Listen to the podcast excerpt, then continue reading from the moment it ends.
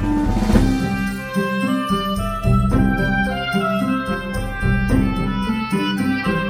Welkom beste luisteraars bij weer een nieuwe kleine boodschap. Ja, welkom bij een heel feestelijke kleine boodschap, want uh, dit is onze 150ste aflevering. Zeker Tim, gefeliciteerd. Ja, ja ook gefeliciteerd met de 150 afleveringen kleine boodschap. Hou het ook maar vol hè. ja, inderdaad. We smokkelen wel een beetje, hè, want we hebben ook nog een paar buitenwereld afleveringen opgenomen tussendoor. En uh, we hebben er ook nog een paar op de plank liggen, dus ik denk dat we er zelf al een stuk of 160 hebben opgenomen. Maar dit is officieel de 150ste. De 150ste gepubliceerde kleine boodschap.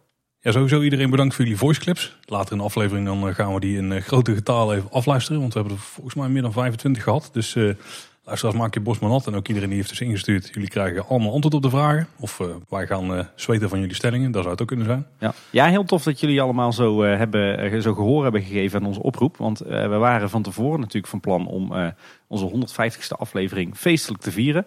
Met onze luisteraars. We wilden wat actiefs doen in de wereld van de Efteling bakje koffie erbij, gebakje, misschien een lunch. Maar ja, goed, dankzij corona uh, is dat er allemaal uiteindelijk niet van gekomen. En om toch nog een beetje een, uh, een, feestelijke aflevering te maken met jullie als luisteraars, hebben we dus gevraagd uh, of jullie eigenlijk uitgenodigd om een voiceclipje in te sturen. En daar hebben jullie in grote getalen gebruik van gemaakt. Dus dat vinden we heel tof. En daarmee wordt deze ja, eigenlijk toch ook een beetje standaard nieuwsaflevering wel een hele interactieve nieuwsaflevering. Ja, zeker. Maar voordat we daarmee verder gaan, Tim, eerst nog het nieuws en zo we hebben nog een paar dingetjes vanuit onszelf.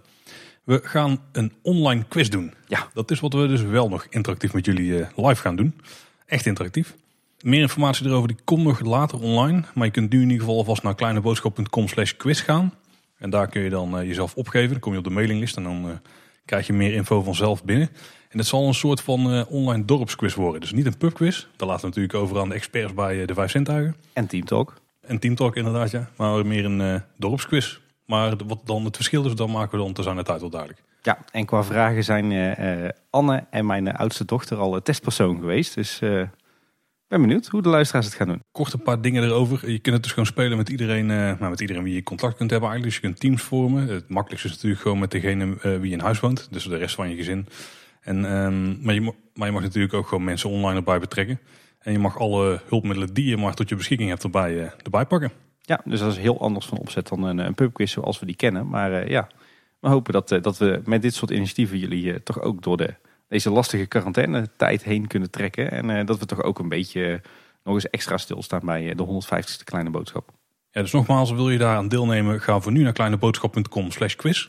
En zodra er meer bekend is, gaan we ook op social media daar dingen van communiceren. Dus hou dat in de gaten. Ja, en jullie kunnen ons natuurlijk vinden op uh, Twitter als uh, Boodschap en op uh, Instagram en Facebook als Kleine Boodschap. waar ik heel erg smakelijk om moest lachen is dat wij afgelopen week ja, toch een beetje op de hak zijn genomen door de podcast Partij voor de Vrijdag. dat is volgens mij ook een radioprogramma op 3FM. Die hebben ook een eigen podcast. En twee van hen blijken vervent Kleine Boodschap luisteraar. En in hun, hun meest recente aflevering Daarin ging het eh, volgens mij 20 minuten lang over de Efteling en met name over onze podcast. Ja, en ik vond het best goed. Maar toch, ja, ik weet niet. Toch altijd een beetje twijfels bij je. Wel, ja. ja, is dat zo? Ik moet zeggen, ik, eh, ik vond dat ze, ondanks dat ze... Nee, nee Tim, dit, dit was een geintje natuurlijk. Oh ja. Want ik was degene die altijd zijn mening makkelijk afspakte. Was er best wel gelijk in hebben, want dat doe ik wel echt, ja. Ja, nee, ik, moet, zeggen, ik moet zeggen, ik zeg eh, ze namen ons op de hak, maar dat deed ze al op een hele leuke manier. En ze hadden ook helemaal gelijk. Ik heb er echt eh, smakelijk om gelachen. Ik denk dat uh, onze vaste luisteraars er ook uh, erg mee kunnen lachen. En waar ik ook wel erg om moest lachen, is dat de twee van de vier dus nog nooit naar Kleine Boodschap hadden geluisterd. En ook niet in de pretparkwereld zitten. En die waren enigszins verbijsterd toen de andere twee heren uitgebreid zaten te vertellen waar wij ons zo al mee bezighouden in Kleine Boodschap. Dus was een leuk stukje radio en uh, ja, voor ons denk ik ook een leuk stukje zelfspot toch? Of zelfevaluatie. Ik vond het een prima audio review. Uh, we zullen een linkje naar uh, de podcast in onze show notes opnemen. Dan kan je ook even lachen. En dat was één klein dingetje voor de aflevering die we volgende week gaan publiceren. Doen niet vaak dat we vooruitkijken naar de volgende week. maar die aflevering die gaat over werken bij de Efteling. Die hebben opgenomen met mensen die bij de Efteling daarover gaan. En ook met iemand die in het park werkt. Die is dus van ruim voor de coronacrisis opgenomen. Dus het is goed dat je het al vast in je achterhoofd houdt. Uh, want anders dan komt hij misschien een beetje vreemd over. Maar omdat hij uiteindelijk best tijdloos is, hebben we er in de aflevering zelf niks over gemeld. Of in ieder geval niks ervoor geplakt. Maar bij deze alvast een disclaimertje. Aflevering van volgende week was van ruim voor de coronacrisis. Ja, net zoals uh, ook gold overigens voor onze Blue Sky Imagineering aflevering en de Golfpark aflevering. Die hadden we ook ruim voor de coronacrisis opgenomen. Volgens mij hebben we nu geen afleveringen meer liggen die niet van voor de crisis zijn. Hè? Nee, klopt. Oké, dus, vanaf, dus vanaf nu gaan we gewoon met de tijd mee. Ja, we hebben wel inmiddels een steeds langer wordende lijst van afleveringen die we uh, willen gaan opnemen zodra de coronacrisis achter de rug is. maar ja, maar niet kunnen. Die niet kunnen en dus op de plank liggen. Dat is wel jammer. Maar we hebben straks nog voice clips te behandelen. Dus we gaan even snel door met de, de rest van de normale aflevering. Ja. De follow-up. In aflevering 148, Tim, toen meldde jij dat de Franse pretpark podcast, ik ga hem gewoon zeggen zoals hun zeggen, Puissant Park. Zeg goed hè? Ja, dat was heel, dat heel mooi. Dat die nu ook twee afleveringen hebben gemaakt, uh, aflevering 33 en 34, over de geschiedenis van de Efteling. Van in totaal vier uur. Die doen er gewoon langer over dan wij. Ja. Maar dat is trouwens niet waar. Waar zaten ook andere vier uur, denk ik. Ja. dat was alleen een stukje voor 1952. Ja, precies. Op zich wel knap dat je als uh, Franse pretpark podcast vier uur uh, vol weet te praten over de geschiedenis van de Efteling. En met de eerste aflevering dacht ik nog, ah, anderhalf uur gaat best. Maar hun, het, het, tweede deel uh, over de geschiedenis beslaat gewoon 2,5 uur. Dus als je je Frans wil oefenen, is dat zeker een aanrader. En dan hebben we de vorige aflevering, aflevering 149, over de piekblauwe luchten. Daar hebben we enorm veel reacties op gehad. Ik uh, voel dat daar wel een bonusafleveringetje aankomt. Ja, we kunnen nu denk ik al wel zeggen dat we zeer zeker een bonusaflevering gaan maken. Uh, waarin we jullie goede ideeën gaan behandelen. Want ja, het, terwijl we dit opnemen is het pas vier dagen geleden dat we die oproep hebben gedaan. Om ook zelf jullie ideeën voor nieuwe Efteling attracties en aanpassingen naar ons toe te sturen. En we zijn echt overladen met de meest fantastische verhalen, schetsen, tekeningen, moodboards. Dus we gaan daar zeker een aparte aflevering van maken. Ja, zo kregen we al van Nicky Steenkist een logo voor jouw Westloon attractie, Tim. Ja, dat was heel vet. Dat was tof, hè? Ja, dat vond ik wel super vet. Dat, uh, en Nicky maakt wel vaker hele toffe dingen uh, voor de fancommunity. Maar ik vond het wel heel vet om gewoon al een, uh, een echt Eftelings logo te zien voor mijn verzinseltje. Heel tof gedaan, hè, Nicky. Dankjewel. Misschien wel één klein issue met het logo. En dat is dan vooral de naam. Daar had Melanie nog iets over, hè? Ja, Melanie de, is ook een luisteraar van ons. Die komt zelf uit Loon op Zand, volgens mij. En die stuurt ons over Twitter een berichtje. Jongens, het, volgens mij hebben jullie het over Venloon en niet over Westloon. Nou heb ik dat even uitgezocht natuurlijk.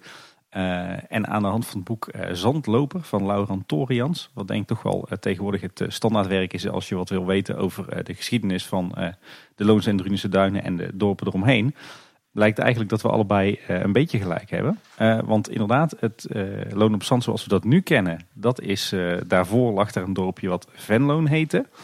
Maar Westloon heeft wel degelijk ook bestaan. En dat is inderdaad het, dorpje dat uh, meer richting de Efteling lag. En wat uh, zo ergens in de 19e, begin 20e eeuw uiteindelijk is verlaten en is ondergestoven. Dus Westloon bestaat wel degelijk, Melanie. Uh, alleen inderdaad, de Willy Brothers kerk waar ik aan refereerde in mijn idee, die heeft in Venloon gestaan en niet in Westloon. Maar goed, wat dat betreft is het wel Eftelings aan het, aan het hele concept. Want het moet een beetje historiserend zijn, maar het hoeft niet per se historisch correct te zijn, toch? Het moet ergens net niet kloppen, anders is het niet Eftelingse. Precies. Dus uh, Melanie, bedankt voor de aanvulling. En uh, ja, we hadden allebei een beetje gelijk. Dat worden de hoofdonderwerpen. En dan moeten we natuurlijk weer beginnen met alle corona-updates. Of gooien we het een keer om. Beginnen we gewoon eens een keer met het Max en Moritz uh, nieuws, Paul. Nou, zullen we positief beginnen. Positief idee, beginnen. We, go we, gooien het om. Ik heb nou toch de, de laptop hier openstaan op tafel. Dan kunnen we ook net zo goed even door het draaiboek heen scrollen, toch? Dat is wel heel modern, Tim. Ja, ik, ik schrik er sowieso van. Ik zit zo waar gewoon met jou te praten op een mobiele telefoon met een oortje in, een eigen microfoon en een laptopje ernaast. Ik uh, schrik er zelf van. Ja, er staat wel nog Windows 95 op de laptop, maar voor de rest. Ja. Maar bijna Disney Plus of dan nog niet? Ja, de, de onderhandelingen die vorderen daar. zijn gaande. De, de, status quo is dat, uh, dat als, er, uh, als we toch weer behoefte hebben aan een Disney-DVD, dat het dan gewoon Disney Plus wordt. Wel op voorwaarde dat we dan onze eerste Imagineering Story gaan kijken natuurlijk. Dat is een goede deal. Ja. ja. Max en Moritz. Nou, wat we het eigenlijk in ieder geval nog over gaan hebben is de autosafari die voor medewerkers was georganiseerd in de Efteling. Ja, niet in Beekse Bergen dus. En uh, daar zijn een hoop foto's en video's van gemaakt. En daar hebben we een beetje doorheen zitten kijken. Er zijn ook weer wat foto's verschenen van fans die door de hekken heen hebben staan fotograferen. Ja. En we hebben toch een paar nieuwtjes rondom Max en Moritz hè? Ja, inderdaad. Uh, wat we zien op de beelden van die autosafari is dat uh, zeg maar die, die, die, metselwerkpilaren met die houten schuttingen ertussen, dat die inmiddels helemaal klaar uh, zijn. Die staan zeg maar tussen het, het wachtrijgedeelte en het, de asfaltweg van de Steenbok naar de Piranha. Die zijn klaar. maar tussen de schuttingen en de asfaltweg zijn nu ook plantsoenen gemaakt waar ze, waar ze keien in hebben gelegd en naaldbomen hebben geplant. En we zagen ook foto's van Jesse, die had volgens mij de telelens op zijn camera gezet. en daarin konden we zien dat er ook in die grote plantenbakken die tegen het stationsgebouw aanzitten, dat er ook al grote keien in zijn neergelegd. Ik heb alleen niet gezien of dat ze daar ook al naaldbomen in geplant hebben.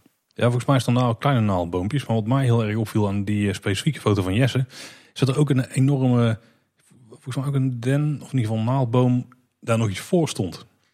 En de vorige keer hadden we het over dat je in die luchtfoto kon zien dat daar wat extra perkjes legen te ontstaan. Ja. Zou daar, uh, zouden daar ook grote bomen in geplant zijn? Dat denk ik wel, ja. Je ziet volgens mij, je hebt in een van die impressietekeningen van Robert Jaap of Karel, zie je toch ook dat ze dat, ze dat pleintje veel groener willen maken uh, dan voorheen. Ja, daar kon ik het niet helemaal uithalen, maar als het zo is, ik ben alleen maar voor. Ja. Maar wat ik in ieder geval die foto zag, ook met die, die keien en de wat uh, kleinere boompjes, ik vond het er wel aardig uitzien eigenlijk. Ja, zeker. Het knapt er echt wel van op. Dus ik ben heel benieuwd hoe het eruit ziet als we weer het park in mogen. Misschien, misschien dat ons, uh, ons oordeel over het uh, stationsgebouw, hoe dat er uh, uiteindelijk uitziet en dan met name de voorgevel, dat dat ook wel positief verandert. Daar zou best wel eens kunnen, ja. ja. En Tim, er was weer een vergunningsaanvraag. Mag ik nou eindelijk enthousiast worden? Gaat het nou eindelijk over het Steenbokplein? Het gaat over het Steenbokplein inderdaad. Hey. Maar de Efteling heeft op 1 april een omgevingsvergunning aangevraagd voor, let op, het plaatsen van een overkapping en twee chalets. Op het Steenbokplein. Ik zou nou denken, bedenken, dit is natuurlijk niet voor, die, uh, voor, de, voor de slaap uh, gebeuren. Nee, want dat zou nee, niet nodig zijn. Nee, nee, nee. Ik probeer me nou, ik probeer mijn enthousiasme weer een beetje in te dammen, want wie weet gaat het weer nergens over. nee, maar dit zal wel gaan over een beetje de, de, de summieren terugkerende versie van het voetplein. Of in ieder geval de eerste iteratie ervan. Ja, inderdaad. De, de, de voorlopige surrogaatversie van het, het Maxima Moritz Foodplein. Of Foodcourt zou je kunnen zeggen. Ja, die twee chalets, daar word ik dan niet super enthousiast van. Dat klinkt heel erg als hetgene wat er al stond. Ja. Uh, het kunnen wel nieuwe zijn, denk ik. Want als het oude waren, hadden ze daar niet per se iets voor aanvragen, vermoed ik. Nee, inderdaad. En ik, uh, ik denk dat ze ook wat permanenter zijn uh, dan hoe we ze kennen tot nu toe. Ja, een beetje van het type van de nieuwe Hollandse gebakken bijvoorbeeld. ja, inderdaad. Of, en de nieuwe smaakmaker, meer in die richting. Ja. Uh, we hebben aan de Efteling wel gevraagd van hoe zit dit nu? En we kregen vrij snel een reactie. En uh, daarin is te lezen over de aanvraag kan ik nu alleen aangeven dat het ten behoeve van de uitbreiding van de huidige steenbok is. Die wordt aangepast naar vrouw Boltes Kuge. Ja, dus we proberen het wel in één geheel door te trekken. Nou, dat klinkt op zich wel aardig. En het is vooral die overkapping die me wel interessant uh, lijkt. Want zouden we eindelijk weer een grote overkapte buitenzitruimte krijgen? Daar ben ik alleen maar voor namelijk. Ja, ja daar ben ik ook alleen maar voor. Ik, ik durf er nog niet heel veel over te, te zeggen. Als ik zo die aanvraag zie en ik lees de reactie van de Efteling, dan denk ik dat, uh, dat uh, we toch een soort van light versie krijgen van die eerdere plannen. Dat uh, de Steenbok een soort van make-over krijgt. Een cosmetische make-over naar vrouw Bolters Kuge. Dus dat die, dat die in de basis grotendeels hetzelfde zal blijven. En dat inderdaad het, het Steenbokplein zal worden ingericht met twee wat permanentere chalets. En ergens op dat plein ook een beetje een overkapping. Misschien uh, in de sferen van de oude uh, Pieter Smeerpoets of zo. Ja, nou, dat is precies wat ik aan zat te denken. Dat zou, me wel, zou ik wel oké okay vinden. Ja. ja, ik, had, ik moet zeggen, ik had in eerste instantie, of ik had eerder gehoopt op een horecaplein. Uh, wat bestond uit misschien wel vijf of zes verschillende van die chalets. Of misschien wel echt een bouwseltjes zoals in een Duits bergdorp. Maar ja, goed, we weten allemaal dat, uh, dat de bezoekersaantallen over 2019 uh, waarschijnlijk wel tegenvallen. En dat er daarom de kaasschaaf over een aantal projecten is getrokken. Ja goed, de ontwikkelingen rond de coronacrisis en de sluiting van het park maken het natuurlijk zeker niet beter.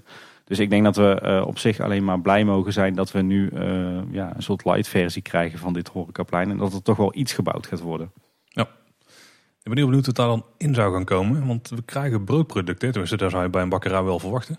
Uh, nou ja, uh, in eerste instantie ging het natuurlijk over bakkerij Belhamel. Uh, daar hebben we wat tekeningen van gezien. Maar het gaat nu specifiek over vrouw Boltes Kuge. Hè? Ja, en daar zou de kipspecialiteiten Dat zijn de kipspecialiteiten. Ja, ik heb nog steeds uit het sprookjesboek, daar staan natuurlijk die verwijzingen in naar volgens mij afvalstrudel en pretzels en dat soort dingen. Mm. Ik zie er ook wel zitten toch? Ja. Dat ook maar gewoon komen. Stop dan maar even van die kleine chaletjes. Ja, nou ja, ik had dus ook gehoopt inderdaad op een horecaplein wat heel erg veel lijkt op de Beierse markt. Dus met een, een kraampje voor broodjesworst, een kraampje voor de stroopwafels en de koffie, uh, een kraampje voor uh, de barbecue producten en uh, een kraampje voor, nou inderdaad, ba bakkerijproducten. Ehm, maar goed, we moeten het doen met twee chalets en de steenbok zelf natuurlijk. Die wordt omgekart naar vrouw Bolteskuge. Dus misschien dat ze daar toch op de een of andere manier wel het, het hele aanbod in kwijt kunnen. Het zou best kunnen dat ze die oude chalets nog wel bij terugzetten. Want dan kunnen ze toch gewoon vergunningsvrij doen? Ja, alleen weet ik niet of dat natuurlijk stilistisch heel erg past. Ja, er zitten wel koekoeksklok elementen in, dus Ja, dat is waar. het zou makkelijk verantwoord zijn intern, denk ik. Of wie weet alleen in, in, eh, in eh, het hoogseizoen en in de winter Efteling. Zou dat kunnen, hè? Nou ja, waar, ik afrondes in ieder geval heel erg eh, blij mee ben... is dat we nu toch op redelijk korte termijn hier werkzaamheden gaan zien. Dat de steenbok wordt aangepast naar het verhaal van Max en Moritz. En dat we dus ook eh, op het plein wat permanentere voorzieningen gaan krijgen. Dat is alleen maar goed. En ik denk dat het eh, in de loop der jaren, als eh, het financieel voor de wind gaat met de Efteling... dat het alleen maar beter kan worden. Ja, wat we wel hadden verwacht, maar nog niet officieel hadden gehoord. Eh, Koen Sanders die meldde op Efteling Radio dat Max en Moritz vrij snel na de heropening van het park ook geopend zal gaan worden. Ja. Ik denk dat het ook een beetje ligt aan de omstandigheden waaronder het park opent. Maar daar komen we eigenlijk weer mee bij het puntje wat ik als eerste wilde aanhalen, maar waar we dan nu echt naartoe gaan. Ja. En dat is natuurlijk eh, de coronacrisis update rondom de Efteling. We zijn inmiddels eh, een week of vijf, zes onderweg eh, dat de crisis speelt. En de Efteling is ook inmiddels een week of vijf dicht. Begin jij het al een beetje te missen, Paul? Ja, nou, nou komt het wel. Ja, zeker door het weertje ook. Dit is natuurlijk wel het weer om naar de Efteling te gaan wat we de afgelopen dagen hebben gehad. En afgelopen weekend, als ik de voorspellingen mag geloven, dan ziet het er ook wel goed uit. Dus ja, er zijn wel de dagen dat, je niet, eh, dat het niet erg is om in het park rond te lopen. Nee, dat druk je weer mooi eh, gematigd uit, moet ik Ja, hè? zeggen. Ja, Rob is wel blij. Ja, precies. ja, ik moet zeggen, aan de ene kant, ik, ik, merk dat ik wel steeds meer gewend raak op de een of andere manier aan de, aan de huidige eh, status quo, zeg maar. De huidige intelligente lockdown. En dat ik soms ook wel eens zoiets heb van, ja, op zich is een keer vijf weken zonder Efteling misschien ook wel gezond. Dan kunnen we er, Even detoxen. ja precies, dan kunnen we er straks extra van genieten. Maar ik moet inderdaad zeggen, op dit soort zonnige dagen, eh, of als je eh, weer langs de Efteling fietst of wandelt, eh, zoals wij vanmiddag nog deden, of, of je ziet zo'n dronevideo waar we het dadelijk nog over gaan hebben, ja, dan, dan doet het toch, toch wel een beetje pijn. En dan moet ik zeggen dat ik de Efteling toch wel steeds meer begin te missen en dat ik ook steeds meer genoeg begin te krijgen van al dat nieuws over corona en die coronamaatregelen. En ja, moet zeggen dat me dat toch wel steeds meer tegen begint te staan. Het is natuurlijk allemaal voor de goede zaak, maar goed. Eh, en ja, ik vind het toch wel spannend. Wanneer gaat de Efteling weer open? Eh, en misschien nog wel veel spannender, hoe gaat de Efteling dan weer open? Ja, want wat natuurlijk, eh, wat je de vorige keer al aanhaalde, waar we nu ook heel veel over horen de afgelopen dagen in het nieuws, is de anderhalve meter economie. Ja. De anderhalve meter samenleving. Op dit moment lijkt het de goede kant op te gaan met ja, het hele corona gedoe in Nederland in ieder geval. En lijkt het een beetje stabiliseren, of zelfs af te nemen. Tot nu toe zijn er allemaal maatregelen die gelden op zijn minst tot 28 april. Ik denk dat we er wel vanuit kunnen gaan dat dit allemaal nog veel langer wordt verlengd. Ja, dat zeg je, maar dat, weet ik niet zo zeker. We horen, deze podcast komt uit op maandag 20 april. Op 21 april horen we als het goed is meer van de Rijksoverheid over hoe het verder moet. En de dag erna, 21 april, horen we als goed is van de Rijksoverheid meer eh, over hoe het verder gaat. Eh, we hebben wel wat gehoord. eh, namelijk dat we niet moeten verwachten dat we na 28 april meteen eh, weer terug zijn in de situatie zoals die voor maart was. Maar dat we de maatregelen dat die gefaseerd afgebouwd worden en dat we dus overgaan naar die anderhalve meter economie. Ik hoor wel steeds meer geluiden dat het vrij snel zal gaan gebeuren. Ik denk zelf dat ze het misschien toch wel met één of twee weekjes gaan verlengen. Die strenge maatregelen rond de intelligente lockdown. Waarom? Eh, de meivakantie, tussen aanhalingstekens, die duurt tot, eh, tot en met 3 mei. En het is denk ik onverstandig om eh, precies in de meivakantie de lockdown te staken. En daarna heb je natuurlijk nog, nog 5 mei, wat voor veel mensen een vrije dag is. Dus ehm, ik denk dat ze er nog één of twee weekjes intelligente lockdown aan vastplakken. En het zou me niks verbazen als ze daarna zeggen van... joh, iedereen, alle bedrijven, alle instanties, alle voorzieningen... die open kunnen op een verantwoorde manier eh, binnen die anderhalve meter eh, economie... die mogen weer open.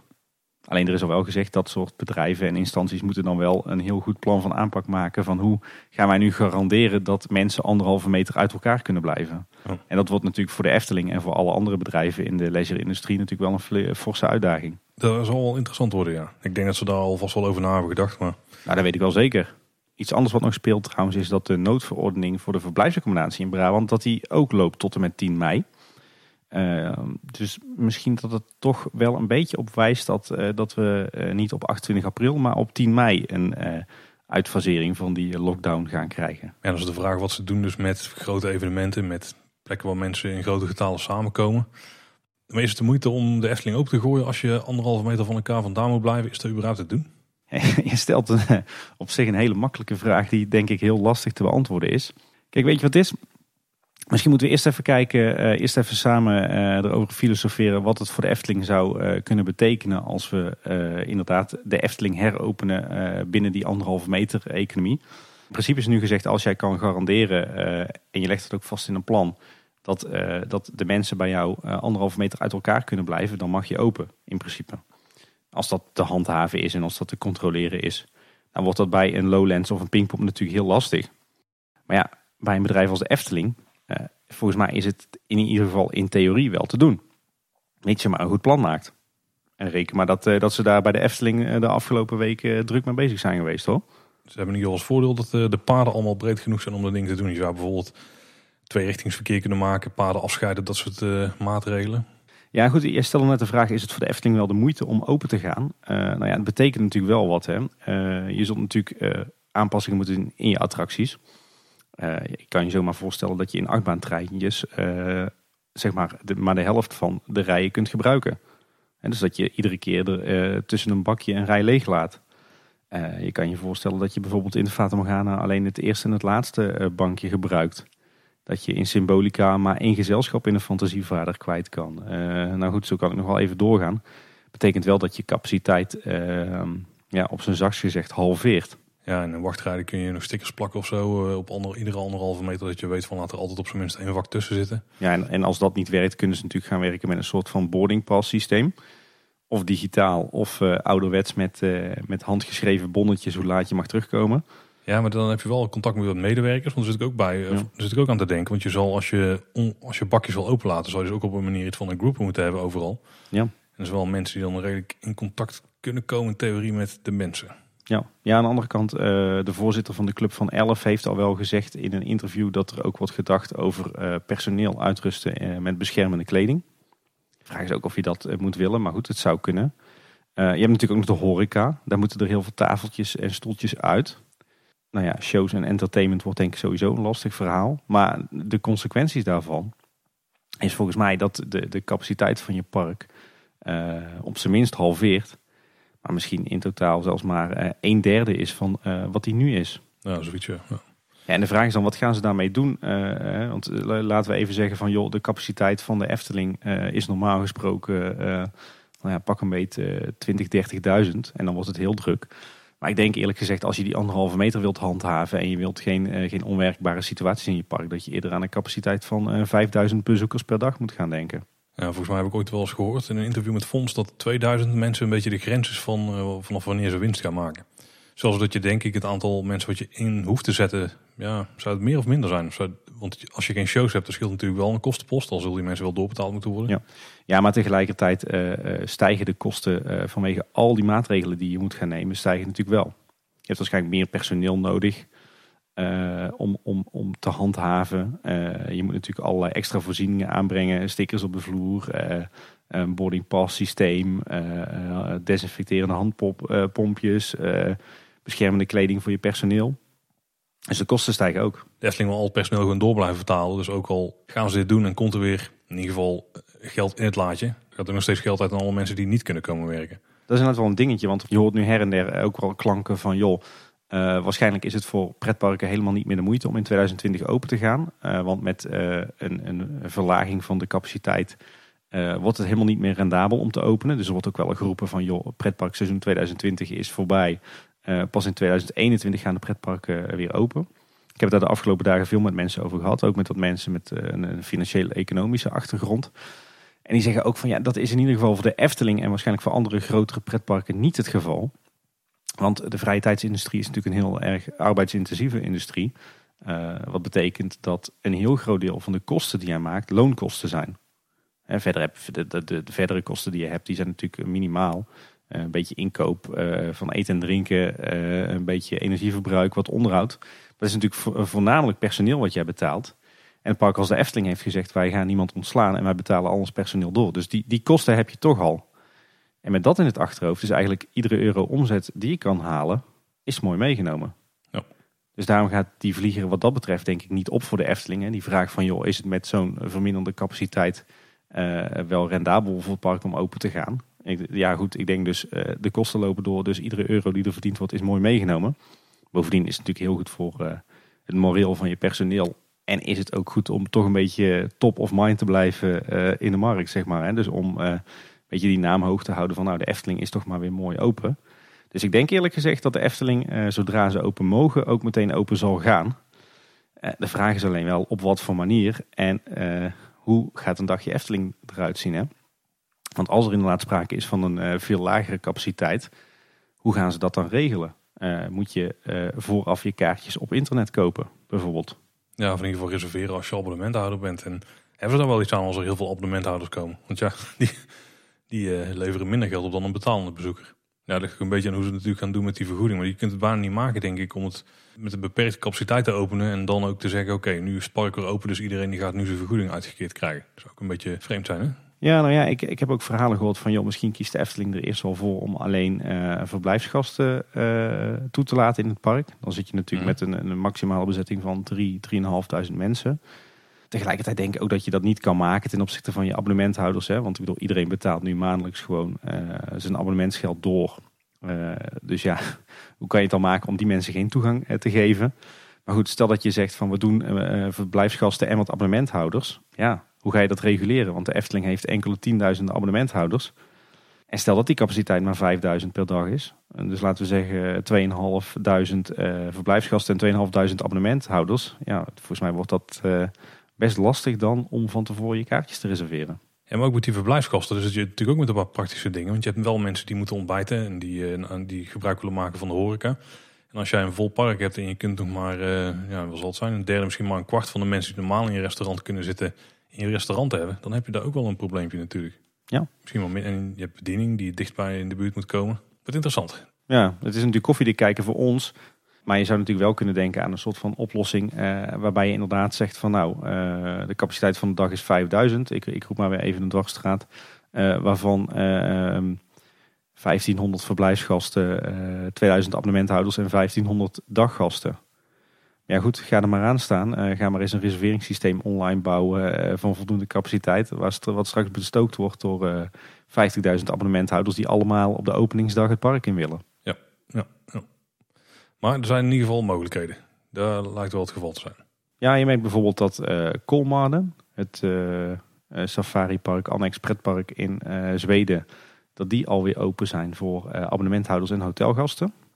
En Plopsaland heeft al aangegeven wij gaan werken met twee tijdvakken. Hè. Ik geloof dat zij uh, van 9 tot 3 en van 3 tot 10 open willen gaan. Waarmee ze dus uh, twee keer uh, een x aantal gasten kunnen verwelkomen. Dat zou natuurlijk ook een mhm. optie zijn voor de Efteling.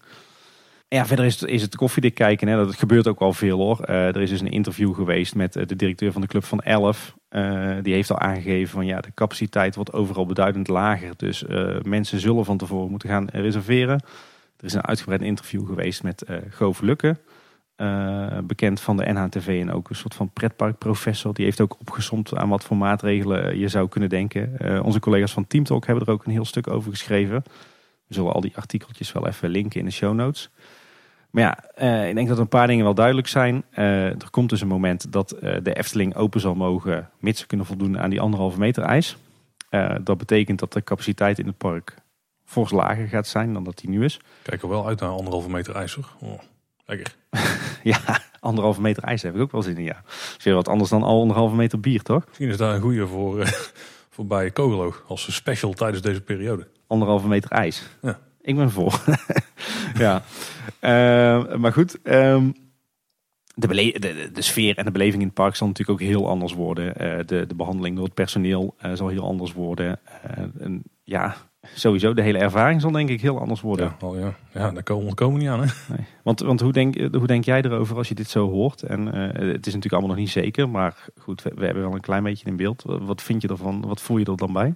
Ik heb liever dat we het park kunnen ervaren zoals we het altijd al deden, want dat is natuurlijk de optimale manier. Aan de andere kant, als het park open mag omdat het dat soort maatregelen treft, dan ben ik er ook wel heel erg voor. Maar het moet wel allemaal verantwoord zijn natuurlijk, maar daar laat ik dan aan de experts over.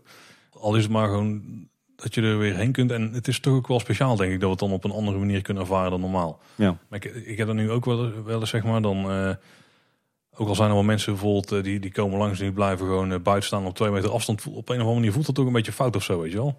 En ik, ik denk dat je dat dan daar continu hebt op dat moment. Ja, dat je er een beetje ongemakkelijk bij voelt, wil je zeggen. Ja, misschien wel. Ja. Ligt denk ik ook wel uh, aan de maatregelen die er op dat moment zijn. Kijk, als wij in Nederland uh, geen totaal niks meer van een lockdown hebben, zeg maar, en alles uh, moet met goede plannen mag het open. Maar om je heen zie je dat iedereen nog wel met die lockdowns werkt, of met in ieder geval meer maatregelen dan wat wij hebben, dan voelt het toch een beetje vies op een of andere manier. En ik denk dat het toch wel aan mijn geweten zou kunnen aangeven ergens van, goh, zijn we wel zo goed bezig met z'n allen als we dit soort dingen gaan doen. Hmm. Maar daar zijn de vraagstukken voor de experts. Daar ga ik me niet altijd druk om maken. Als ja. het zal mogen, dan ga ik er vanuit de taal wel over naast gedacht. Oh. Nou, ik moet zeggen, ik, ik kijk vooral heel erg uit naar een versoepeling van de maatregelen. Ongeacht wat de landen om ons heen doen. Maar... Ja, ik ook. Maar het moet dus wel gewoon verantwoord gebeuren. Dan, uh, dan ben ik er absoluut voor, ja. Dan, ja. Ja, dan, dan denk ik dat we toch op een unieke manier de Efteling gaan beleven. En daar is dan toch wel een soort van, een soort van special event hebben dan. Ja, ik moet zeggen, ik denk dat ik wel redelijk met jou op één lijn zit. Ik, ik kijk ook echt uit naar de dag dat de Efteling weer open kan. Want ja, wat ik al zei, uh, we beginnen het steeds meer te missen hier thuis. Ook de kinderen, ook mijn vrouw.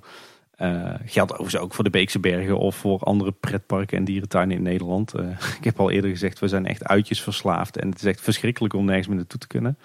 Dus ja, ik ben heel erg blij als de Efteling weer open kan. En ik denk dat, dat wij ook zeker s ochtends vroeg op dag 1 voor de poort zullen liggen, als dat dus kan. Uh, ik heb wel zoiets, ik hoop echt dat, die, uh, dat al die maatregelen rond die anderhalve meter economie, dat het echt tijdelijk is. Uh, liefst maar een paar weken, hooguit een paar maanden. want met dat in het achterhoofd is het inderdaad precies wat jij zegt. Is het misschien ook wel bijzonder om dat eens een keer te ervaren en te proberen en daar je weg in te vinden. Het is toch weer iets waar je later van kan zeggen van, oh, weet je nog toen in 2020? Maar aan de andere kant, het druist wel heel erg in tegen alle dingen die ik juist zo fijn vind aan een dagje pretpark, een dagje dierentuin, een dagje Efteling. Weet je, ik vind het juist heerlijk, zeker uh, voor ons liefhebbers en zeker als kaatsheuvelnaars, dat je op zondagochtend naar buiten kijkt en denkt, oh het zonnetje schijnt. Laten we nog eens lekker een paar uurtjes naar de Efteling gaan. Ja, dat is er dus voorlopig niet meer bij. Ik bedoel, je zal uh, weken, uh, zo niet langer van tevoren, zal je al moeten gaan reserveren voor een bepaalde dag. Uh, dan is nog maar de vraag of dat dan tegen die tijd goed uitkomt. Het zal uh, lang niet zo makkelijk zijn om met vrienden af te spreken in de Efteling. Want die moeten dan ook maar net kaartjes hebben voor dat moment. En anderhalve meter afstand houden. Anderhalve meter afstand houden, dat ook nog eens, ja. Ja, weet je, en ik ben gewoon dol op lekker met z'n allen op een terrasje zitten. Lekker uh, op een drukplein staan. lekker met z'n allen in de wachtrij. weet je, ik hou gewoon van drukte. Lekker dicht met z'n allen op elkaar. En dan een, een, klinische Efteling waar we allemaal afstand van elkaar houden. En waar alles op alles wordt gezet om mensen uit elkaar te houden. En daardoor veel minder capaciteit, veel minder sfeer. Ja, het is voor mij, voelt het ook wel een beetje als een doemscenario. Zeker dat, eh, dat uh, feit dat je dus straks weken van tevoren moet gaan bedenken. Goh, waar wil ik naartoe? Wil ik een dagje naar Burgersoe? Wil ik een dagje naar de Efteling? Wil ik een dagje naar de Beekse Bergen? En dat je dus iedere keer uh, je in een systeem moet gaan, gaan vechten om kaartjes te bemachtigen. Ja, dat is voor mij echt uh, niet waarom ik zo'n groot liefhebber ben van uh, de leisure of uh, waarom ik zo'n groot Efteling liefhebber ben. Dus ik, ja. Dat is beter dan niks, hè? Het is beter dan niks, daar ben ik met jou eens. Maar het voelt ook wel een klein beetje als een nachtmerrie scenario. nog meer nachtmerrie zijn als het gewoon niet meer open gaat dit jaar, helemaal niks. Maar de... Ja, die kans acht ik klein. Dit jaar gaat de Efteling nog zeker open. ja, en laten, we, laten, laten we hopen dat het inderdaad dan voor een paar weken of een paar maanden is. En dat we daarna gewoon met z'n allen zeggen, we mogen weer. Want daar kijk ik toch wel uh, naar uit. Maar goed, we, we, wachten het af en we volgen het op de voet, uh, denk ik. Even wat dingen die uh, zijn gecommuniceerd rondom de Efteling of die zijn gebeurd in de afgelopen weken. Op 3 april was er een bericht op het Efteling-blog. En dat ging over Efteling-fans die online in contact met elkaar blijven. En uh, tegen werd natuurlijk de usual suspects werden daar genoemd. Dus Bart Baan, Eftelflex, Team Talk, maar ook een kleine boodschap. En dan bedoelen we de podcast, dus wij, en niet die kabouter in het park. Dus dat was wel tof. Op 6 april kwam er een berichtje dat de Efteling beveiliging zijn handen vol heeft aan ongewenste bezoekers. Ja, dat was een loopingsbericht. Volgens mij valt het in de praktijk wel mee. wat, wat er een beetje speelt, dat werd ook niet echt duidelijk uit het artikel. Maar je hebt natuurlijk vak KLM. Dat is die grote plak asfalt aan de Kinkerpolder net buiten het park. Ja, die is natuurlijk zeer aantrekkelijk voor mensen die uh, willen skaten of skileren of rolschaatsen. Uh, voor mensen die met een radiografisch bestuurbaar autootje willen spelen. Voor kinderen die moeten leren fietsen. Dus daar, wordt, daar zijn nog alles wat mensen bezig. En, en, dat was blijkbaar een probleem. en er was ook nog wat ophef omdat de beveiliging dan van, van auto's en personen gegevens noteerde. Uh, maar de webcare die zei daar al vrij snel wel op van, uh, nou goed, de beveiliging maakt altijd een rapport op van dat soort zaken. Uh, en het wil niet per se zeggen dat er daarna ook wat mee gebeurt. Dus volgens mij was het een beetje een storm in een glas water. maar mij valt wel op de laatste tijd dat de Efteling beveiliging volop aan het patrouilleren is rond het park en in alle onderdelen van de wereld van de Efteling. Ik had laatst zelfs volgens mij gezien dat ze een extra auto hebben gehuurd om rondjes te kunnen rijden. Hm. Dus ze zitten er echt bovenop. Nou, niet te dicht hè? Op minimaal anderhalve meter. ja, precies. Wat wel mag en wat we laatst ook hebben gedaan is bijvoorbeeld uh, door het Loonse Land heen wandelen naar uh, het Keienspoor. Een, uh, een mooie uitgezette route door de bossen ten zuiden van het Loonse Land. Dat is heel tof. Echt een aanrader. Kan ik echt iedereen aanraden. Hebben wij heel veel plezier gehad. En daar is het ook makkelijk afstand houden tot anderen. dus dat mag gewoon.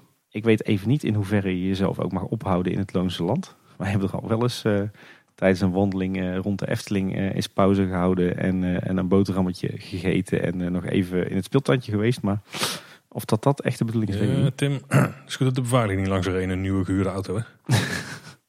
ja, goed. maar goed, in principe is dus al het terrein van de Efteling verboden terrein.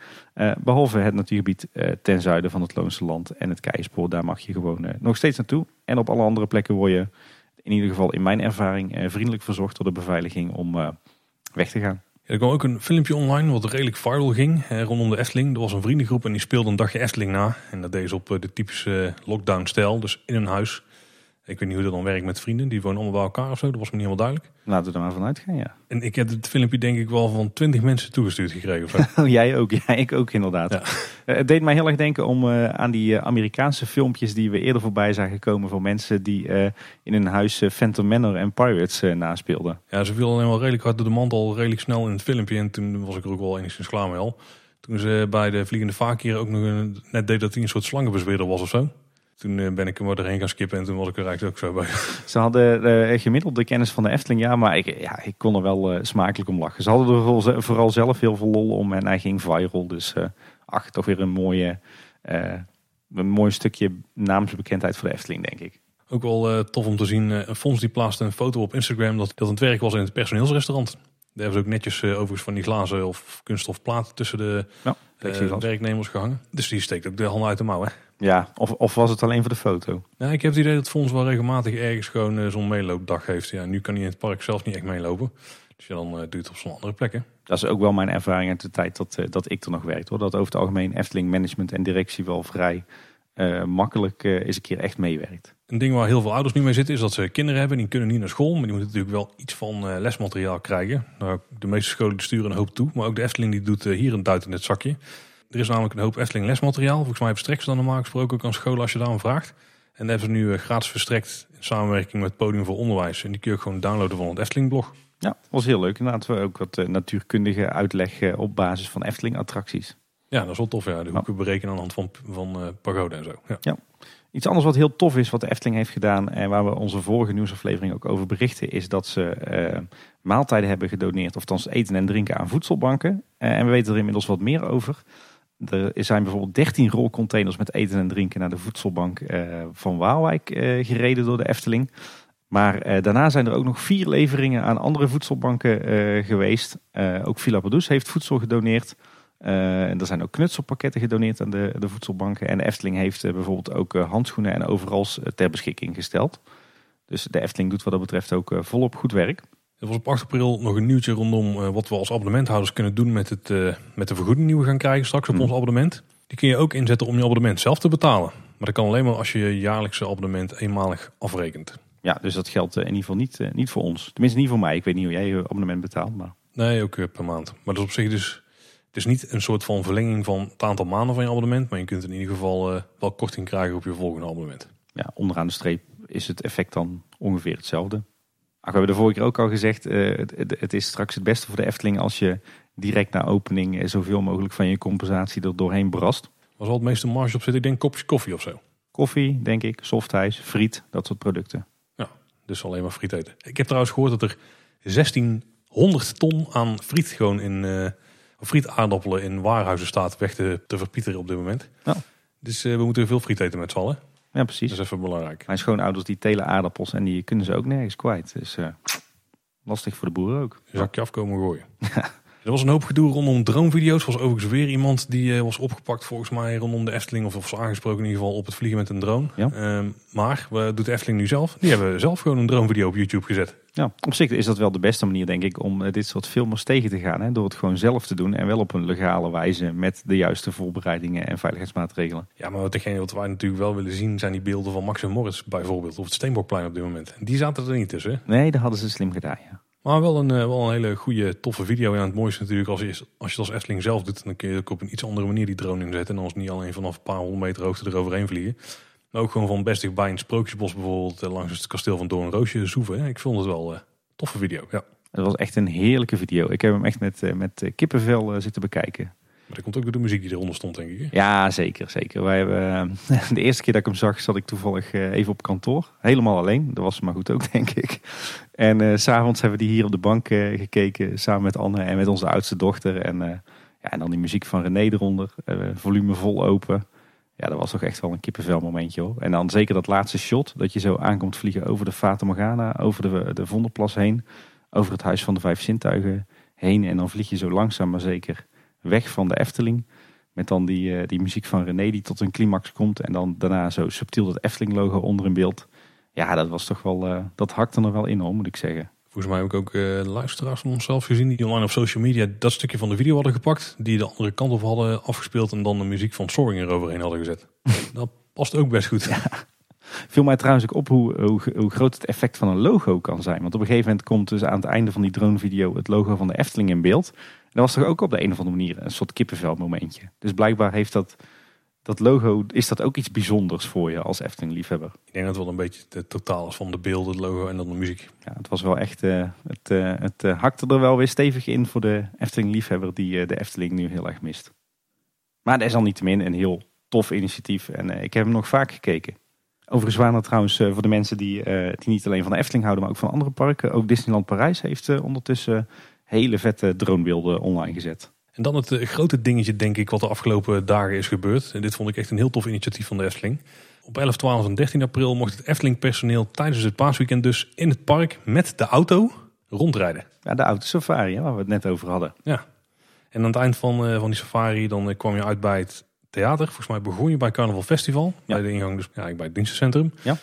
Dan deed een personeelslid jouw kofferbak open en dan werden daar 10 Efteling doeboeken ingestopt. En 5 Eftelings verrassingseieren om mee naar huis te nemen. Maar dus ook om uit te delen. Daar weet ik alles van, want uh, toevallig uh, kregen wij, hadden wij een uh, buurvrouw hier aan de deur. die zei, ja, jullie hebben kindjes, willen jullie ook wat doeboeken en verrassingseieren? Die had natuurlijk geen flauw benul dat ik zo'n grote Efteling-liefhebber ben. dus ik zei, ja, die zijn zeer welkom hoor. Die zitten nou in de verzameling? Die zitten, de, nou de, de eieren niet, maar een van de doeboeken zit wel in de verzameling, ja. Kijk. Maar nee, ja, dit was natuurlijk een ontzettend gave actie. Ik heb ook alleen maar positieve geluiden gehoord van personeel. Iedereen was, uh, was toch zeer onder de indruk van, uh, van deze actie. Natuurlijk vooral bedoeld om het uh, moreel en het. natuurlijk vooral bedoeld om het moreel onder het personeel op te krikken. En een beetje dat, toch een beetje die feel-good vibe te veroorzaken. En ik denk dat dat wel geslaagd is. Ook als je alle reacties leest op internet, op social media. Mensen vinden het echt ontzettend tof dat de Efteling dit heeft gedaan voor haar personeel. Ja, zeker. Ja. Wat je dus onderweg onder andere zag, uh, daar gaan we daar trouwens nog wel een beetje op in, want het is de voornaamste reden dat we onze onderhoudscategorie nog hebben kunnen vullen vandaag. Hè?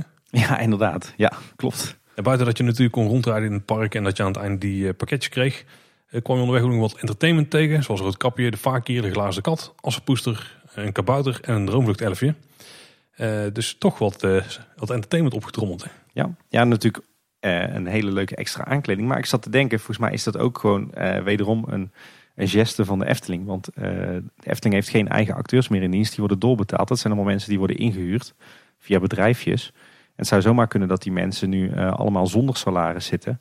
En ja, op deze manier, uh, drie dagen van acht uur, hebben ze in ieder geval toch wel wat geld in het laadje. Ja, dit zijn dan een deel van die duizend mensen die ze extern, ja, ze extern gebruik van maken. Ja, ja, dus ik denk eerlijk gezegd dat dat ook wel een overweging is geweest om in dit geval zo enorm veel entertainment in te zetten. Nou, met al in ieder geval een heel tof initiatief van de Efteling. En uh, werd zeer gewaardeerd door de medewerkers die ik erover heb gehoord in ieder geval. Ja. Dan nog een berichtje van de webcare over uh, vrouw Holle. Want veel mensen die vragen, veel fans vragen zich af van wat gaat er nou gebeuren met onderhoud aan het huisje. En de webcare die zegt het onderhoud aan vrouw Holle zal inderdaad doorgaan. Echter kunnen we door de huidige situatie nog niet aangeven wanneer dit concreet plaats gaat vinden. Nou, dat is denk ik ook wel precies wat we hadden verwacht. Ja, duidelijk en begrijpelijk. Alhoewel, ik had eerlijk gezegd, als ik de Efteling was, nu toch juist uh, gebruik gemaakt van de gelegenheid om uh, nu uh, gauw dat huisje uit de grond te knallen. Ja, maar je moet wel mensen hebben en het moet ook verantwoord kunnen. Ja, nu natuurlijk met z'n allen naast elkaar in één balk gaan staan te hengsten, want dat werkt natuurlijk niet echt. Met anderhalve meter. Nee, dat is waar. Maar goed, de bouw is tegenwoordig wel anders georganiseerd. Hè? Die is niet meer zo arbeidsintensief als vroeger. Nee, dat scheelt. Je hebt niet drie man nodig om een balkje omhoog te houden... terwijl iemand anders er wat spijkers in ramt natuurlijk. nee, precies. Weet je wat ik me trouwens afvraag? Nou, we, nou het toch hebben over Efteling-projecten en de status daarvan. Ik heb eigenlijk niks meer gehoord of gezien van uh, die carports die we zouden gaan verrijzen op uh, vak O en waar de zonnepanelen op kwamen te liggen. Hebben we wel de toegekende vergunningsaanvraag daarvan gezien? Ja, die is volgens mij wel toegekend. Oké. Nee, ik eh, heb ook echt geen idee. Ja.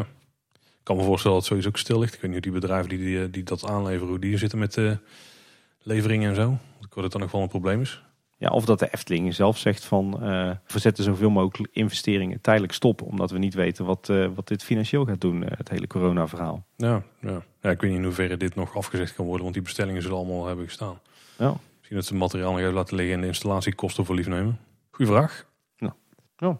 Kreeg je nog wat tips van luisteraars om de coronatijd door te komen. Zo kregen we onder andere de tip om eens het audioboek te luisteren. Het Oog van Orbal. Die staat op YouTube. En daarbij kregen we het berichtje: Het Oog van Oorbal is deel 1 van de trilogie De Ringen van Emander. De trilogie in fantasy voor kids van 7 tot 11 jaar of ouder wanneer het kind in je voorleeft. Hm, ik denk dat wij er wel ontvallen, Tim. Ja. Speelt zich af in de andere wereld, de wereld achter de Efteling. Wie eh, heeft het gemaakt? Ik eh, durf het niet te zeggen. Ik heb, ik heb een stukje gekeken en het, het, gaat, het draait inderdaad wel om de wereld uh, van de Efteling. Dus het, is, het, het, heeft iets met Efteling te maken, maar het is volgens mij geen Efteling product. Een fanfiction-achtig Ja, dat denk ik. Oh. Uh, wij komen zelf met de quizje, maar er zijn wel meer quizinitiatieven. Zo heeft ook Eftel Wesley de Efteling voorjaarsquiz online gezet. En die kun je ook vinden op zijn YouTube kanaal. En Remco Hoogwerf die vond op zolder een VS uit het begin van de jaren 90. En de, die heeft daar even alle privébeelden uitgeknipt. En die heeft die uh, op YouTube gezet. Dus volop beelden uit de jaren 90 van de Efteling. Dus die kun je ook checken op, op internet. Ja, er zitten weer heel veel toffe beelden tussen uit begin jaren 90. Hè. Ingang West zie je voorbij komen. Heel veel beelden van Laaf, heel veel beelden van het Sprookjesbos. Ik vond het een erg tof stukje video. Zeker de moeite waard om te kijken. Ik heb inmiddels nog meer toffe video's gezien, maar daar hebben we het daar nog heel even over. Ja, zeker. Ik weet wel waar jij op doelt. Want nu komt het moment waar we naar uit hebben gekeken, Tim. Ja, we gaan een feestje vieren. Ja, zeker. Aflevering 150. We hebben een hoop uh, voice clips gehad. Volgens mij hebben we zelfs via Instagram voice clips gehad. Er was iemand heel creatief en die heeft het daar uh, gedaan. Dus uh, heel tof. Zullen we gewoon door gaan lopen? Ja, inderdaad. We gaan dus beginnen met het berichtje van Vince. Mijn naam is Vince van de Ven. En ik vroeg me af, wat is jullie favoriete souvenir die hier in deze tijd is verkocht? Groetjes en gefeliciteerd met jullie 150ste aflevering. Oeh, ons favoriete souvenir, Tim. Ja, van dit moment, hè? Ja, ik ga dan toch echt voor de Anton Pieckmuis. Dat vind ik zo'n gouden vondst. Dat is dan toch wel echt mijn favoriet. Ja, dat vind ik wel een hele toffe. Maar ik zit even te zoeken naar iets wat ik dan zelf zou willen hebben. En zo'n piekmuis komt dan nog wel dichtst bij in de buurt, denk ik, ja. Ja, ja, ik denk dat ik er ook voor moet gaan. Dat is wel heel flauw, hè? Nou, ik moet zeggen, dan, dan kunnen nog wat andere dingen. Ik moet zeggen, ik vond die Pandadroom filmrol of de Python Moer, dat vond ik ook wel echt hele vette souvenirs hoor. Ja, de Python Moer is inmiddels al twee jaar geleden. Ja, dat is ook niet meer actueel hè? Nee, ik denk dat die muis wel het meest, een van de meest slimme dingen is van de afgelopen tijd. Dus nog meer maken, Efteling. Kunnen jullie, hè? Kom op. Als je dan toch nog geld wil verdienen, dan moet je gewoon een webshopje beginnen met die muizen. Precies, ja. Dan kregen we nog een berichtje van Maurice van Team Talk. Hey mannen van Kleine Boodschap. Hier Maurice van Team Talk. Gefeliciteerd met jullie prachtige jubileum. 150 afleveringen, super nice. hey, ik heb een vraagje voor jullie. Hè? Stel, uh, de Efteling gaat binnenkort de poort weer openen. Ik hoop dat het heel snel is, maar goed. En uh, dat gaan ze gefaseerd doen. Hè? Stel, stel, stel. Een beetje uh, gefaseerd zoals Walt Disney World. Want er gaan geruchten dat ze eerst Magic Kingdom zouden openen en daarna pas de rest van de parken. Hoe zou de Efteling dat dan aan moeten pakken? Hè? Stel ze zeggen, oké, we gaan sowieso het Sprookjesbos openen. En Aquanura maken we toegankelijk. Maar we gaan de rest van het park pas later in stukjes openen. Hoe zouden ze dat dan moeten doen? Hè? Volgens jullie, wat zouden ze als eerste moeten heropenen? Is het dan het Sprookjesbos en de rest van Marenrijk? Of is dat het Sprookjesbos en uh, Reizenrijk? Dus dan kun je in de achtbaan Vogelrok en de Dark Ride Carnival Festival. En dan kun je ook nog lekker buiten in de pagode kun je de rest van het park zien. En de gondoletta, kun je lekker in het zonnetje varen. Of moeten ze Fantasierijk en het Sprookjesbos toegankelijk maken. Met symbolica erbij.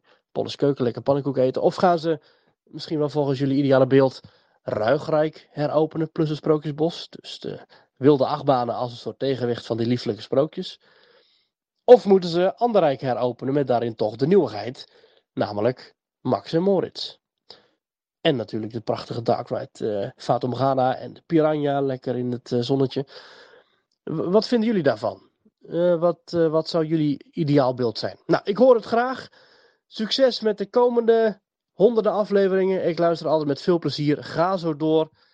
En wellicht tot binnenkort als we elkaar weer mogen zien. Doeg! Nou, dankjewel Maurice. Maar Tim, nog één rijk wat we dan zouden mogen bezoeken als er maar eentje open zou gaan nu. Als eerste, welke zou dat dan moeten zijn? Ja, 100% zeker het, het Marenrijk. Ja, dat wist ik wel dat je dat ging zeggen. is misschien ook wel een van de makkelijker om die afstand te garanderen.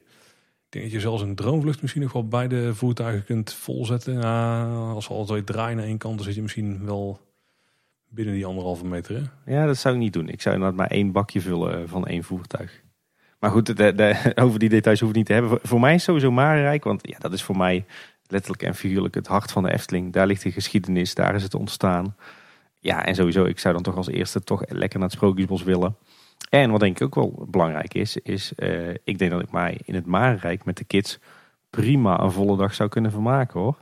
Puitjes Sprookjesbos, Puitjes Laaf, uh, de draaimolens, uh, diorama, Sprookjesquiz spelen. Mijn favoriete restaurants liggen er in ieder geval een heel aantal. Dus ja, ik zou me met het Marenrijk prima een dag weten te vermaken. Ik denk met het gezin ook maar rijk. Ja, anders is, ligt de Ruigrijk natuurlijk met, wel voor de hand. Nou, eigenlijk niet, want daar zou, je met, daar zou je vooral met groepen vrienden heen gaan. En ja, dat is dan niet echt, de, is niet echt de plek om open te gooien. Want met groepen vrienden kom je daar op dat moment niet. Nee. Maar Rijk is eigenlijk wel de meest logische optie, ja. Maar een klein stukje van Fantasierijk moet wel open, want anders kun je er nooit komen. Nee, precies. Ja, via het Sprookjesbos, hè, via de zijingang. Ja, maar dan moet je net een stukje spoor hebben. Ja, dat is waar. Nee, ik, denk, ik moet zeggen, op gevoel uh, is gewoon 100% Marenrijk. Dan kregen we een aantal berichtjes van Arthur. Zullen we stuk voor stuk even doorlopen? Ja, is goed. Hoe kijken jullie tegen een hardloop-event in de Efteling? Die is er natuurlijk al wel eens geweest, sporadisch met Q-Music. En in Kaatsheuvel is er de Villa Pardoes Run. Maar wat zouden jullie ervan vinden als de Efteling deze weer in de zomer gaat organiseren? En in welke vorm zou dat dan moeten? Oeh, ik denk dat een van de interessantste periodes om te organiseren niet de zomer is, maar dan eerder de lente of de herfst. Uh, ik zou het op zich wel tof vinden. Ik denk, ben bang dat ik me wel verplicht voel om dan mee te gaan doen. Dat is dan wel een nadeel. Dat wordt uitdagend. Dan zullen we maar een keer gaan trainen. Ik, ik zou daar eigenlijk wel voor zijn. Het is volgens mij best een manier om zeker in een rustig weekend uh, in het voor- of najaar... om dan toch wel veel mensen naar het park te trekken. Ik weet alleen niet hoe de Efteling dat precies zou gaan doen. Want uh, bijvoorbeeld Disneyland Parijs die doet het natuurlijk. Daar weet Arthur alles van. En daar... Um, heb je een heel groot gebied om, om zo'n run te houden. En dan kun je ook een halve marathon houden. En als je die in de wereld van de Efteling wil doen, dat kan denk ik wel. Maar dan moet je echt wel met de gemeente een hoop dingen gaan regelen. Uh, ja, wel, dan moeten ze Martin Lavallée ook trouwens. Ja, dat zou toch wel mogelijk moeten zijn. Maar misschien is het dan toch wel slim om dat samen met Villa Produce te doen. Voor de Villa Produce Run. Of wie dat dan ook mag organiseren daar. Ja, daar zat ik ook aan te denken. Ik denk dat het uh, zeker potentie heeft voor de Efteling. Uh, dat zou een heel tof event kunnen worden. Maar ik denk dat het een beetje zou cannibaliseren op die Villa Produce Run. Als de Efteling dat zelf doet. En dat moet je natuurlijk niet willen. Dus ik zie ook wel wat in die combi met die Villa Produce run. Doe maar eens een Villa Produce run. Gedeeltelijk door de wereld van de Efteling en gedeeltelijk uh, gewoon dwars door het park heen. Ik denk dat het een hele toffe combi kan zijn. En als dan de opbrengsten ten gunste komen van Villa Produce, dan denk ik dat uh, iedereen blij is. Dat denk ik ook, ja. De volgende vraag van Arthur. Komt er een kleine boodschap webwinkel in de toekomst? En zo ja, krijgen we dan ook kleine boodschap wc-papier? Wat een scheidvraag. wc-papier is wel een hele gauw eigenlijk.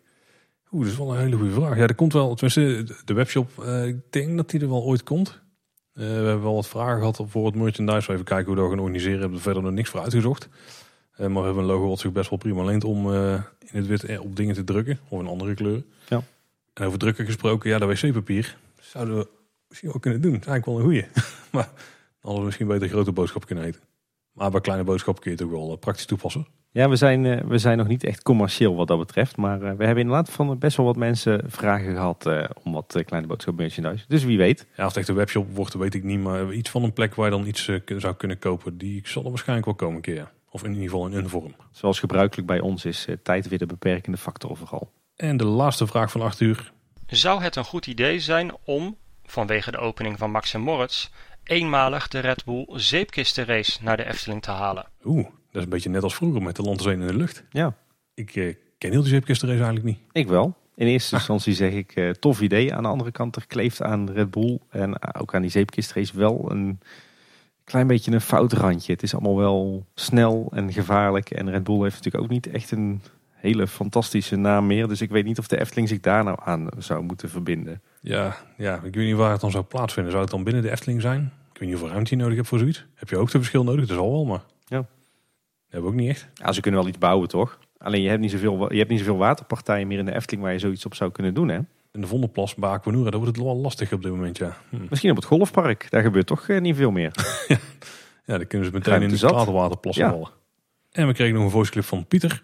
Beste kleine boodschappers. Ik ben zojuist klaar met eh, hardlopen.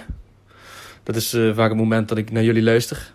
Op die manier eh, kan ik altijd prima naar jullie eh, podcast luisteren.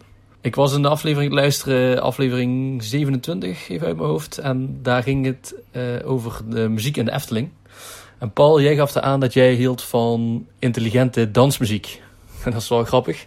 Zo heb ik het vroeger ook altijd uitgelegd aan eh, vrienden en kennissen. Dat je het moet voelen en dat je het moet snappen. En dan hebben we het over techno natuurlijk. Eh, ik ben wel heel erg nieuwsgierig naar wat voor techno jij luistert. En of, jij, of de artiesten zijn die jij bijzonder leuk vindt. Jongens, gaan vooral zo door. Van harte gefeliciteerd. Groetjes. Oh, oké, die had ik helemaal niet aan zien komen. Eh, daar moeten we niet al te lang op ingaan, denk ik. Maar heb jij nog suggesties? Nou, ik moet zeggen, ik vind eh, dance, house, techno, hardstyle is voor mij echt allemaal klerenherrie. Dus Daar heb je helemaal mist in. nee, ik zit meer aan de kant van, de van de rock en de metal. En weet je wat het is met dit soort muziek? Is dat je... Je hebt extreem veel artiesten die daar iets aan doen, die daar iets van maken. En iedereen heeft wel zijn, eh, zijn uitschieter. En heel veel mensen maken ook heel, heel erg diverse muziek. Volgens mij ook omdat er best wel veel geëxperimenteerd wordt. Dus ik heb heel veel tracks die ik heel vet vind. Ik zou de titels niet weten. Ik heb gewoon playlists waar ik die allemaal in even verzamel. En die luister ik gewoon af en toe. Maar bijvoorbeeld zo'n Joris Voorn, zeker omdat het een Nederlander is. eh, en die doet het echt in een hoekje waar ik wel, eh, wel, wel goed trek. Dan hebben we nog een berichtje van Repal Stiltje. Die heeft waarschijnlijk een hele mooie voornaam die hij een beetje probeert te verbloemen. Welkom, beste luisteraars, bij weer een nieuwe vraag voor de heren van Kleine Boodschap. Hij is fijn. Allereerst, Paul en Tim, van harte gefeliciteerd met jullie 150ste aflevering. Elke maandagochtend begint mijn week goed met een aflevering van jullie. Nu heb ik een vraag. Als jullie per rijk één attractie mogen verplaatsen naar een andere rijk, wat zouden jullie dan doen? En uiteraard, waarom zouden jullie dat doen? Ik noem maar even een paar voorbeelden. De oude Tuffer naar het Marenrijk. Villa Volta naar het Ruigrijk, Max en Moritz naar het Reizenrijk en Vogelrok naar het Anderrijk. Fantasierijk hou ik even zoals het is. Nu heb ik dit even snel uit mijn duim gezogen en heb ik er eigenlijk niet echt een onderbouwing voor. Alleen verwacht ik dat wel bij jullie. Ga zo door en op naar de 200 afleveringen en daar voorbij. Nou, bedankt Paul. Goede intro trouwens. Ja. het is wel een pittige vraag je verwacht van ons wel heel veel. Ik- denk dat het eerste wat bij me opkomt is dat we ook Vogelrok gaan verplaatsen naar Anderrijk. En dan meteen even dik thematiseren in het eh duizend en nacht thema. Ja, sowieso denk ik eh, flink wat rotspartijen waardoor, waar je jezelf doorheen moet wurmen wanneer, waarna die vogel opduikt.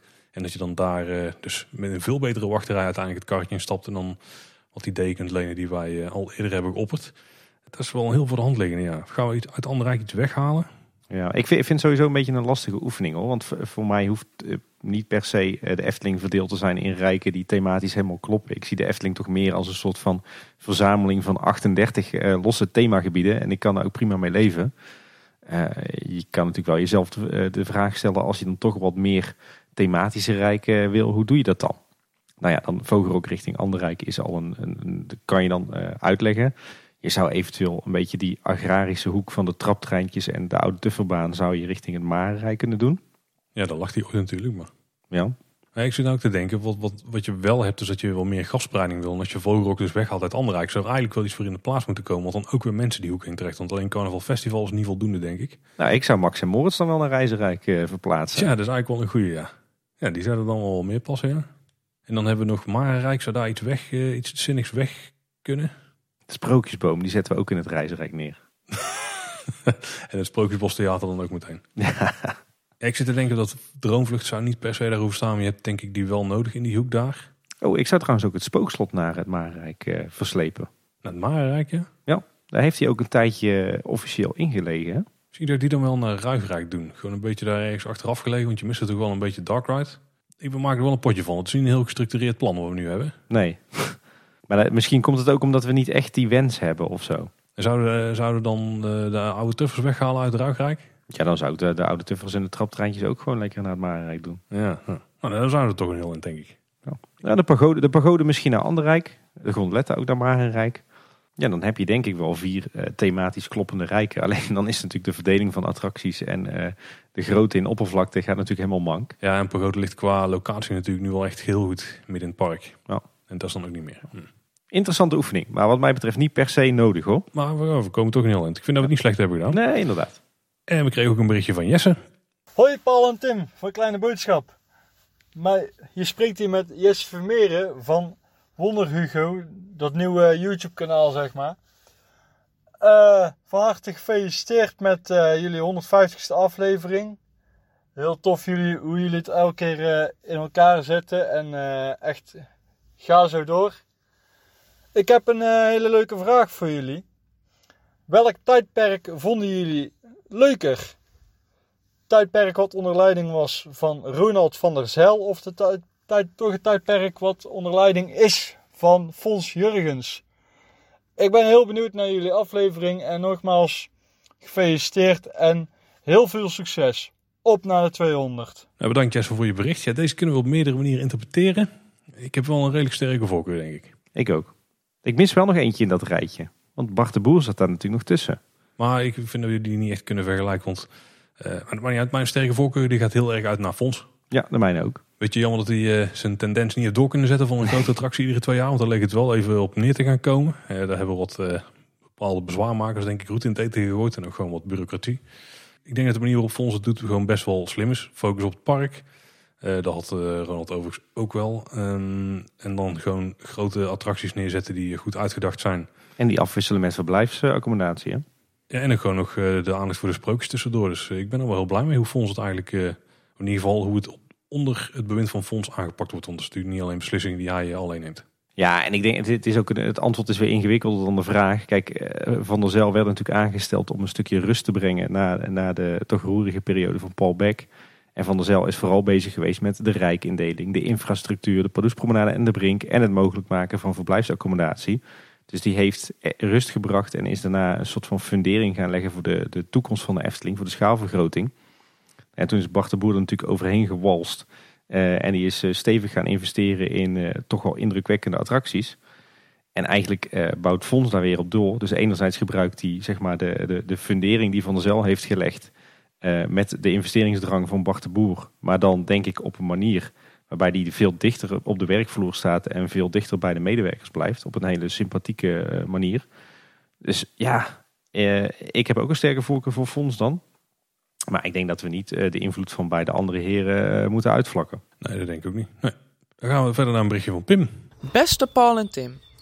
Het is bekend dat de Efteling in Strookrijk tot maximaal 50 à 60 meter hoog mag bouwen. Veel Efteling-fans zien dan ook graag dat hier in de toekomst een achtbaan verschijnt die voor waaghalzen bedoeld is. Mijn stelling aan jullie is dan ook: stel de Efteling besluit inderdaad om hier een achtbaan neer te zetten die voor de waaghals is.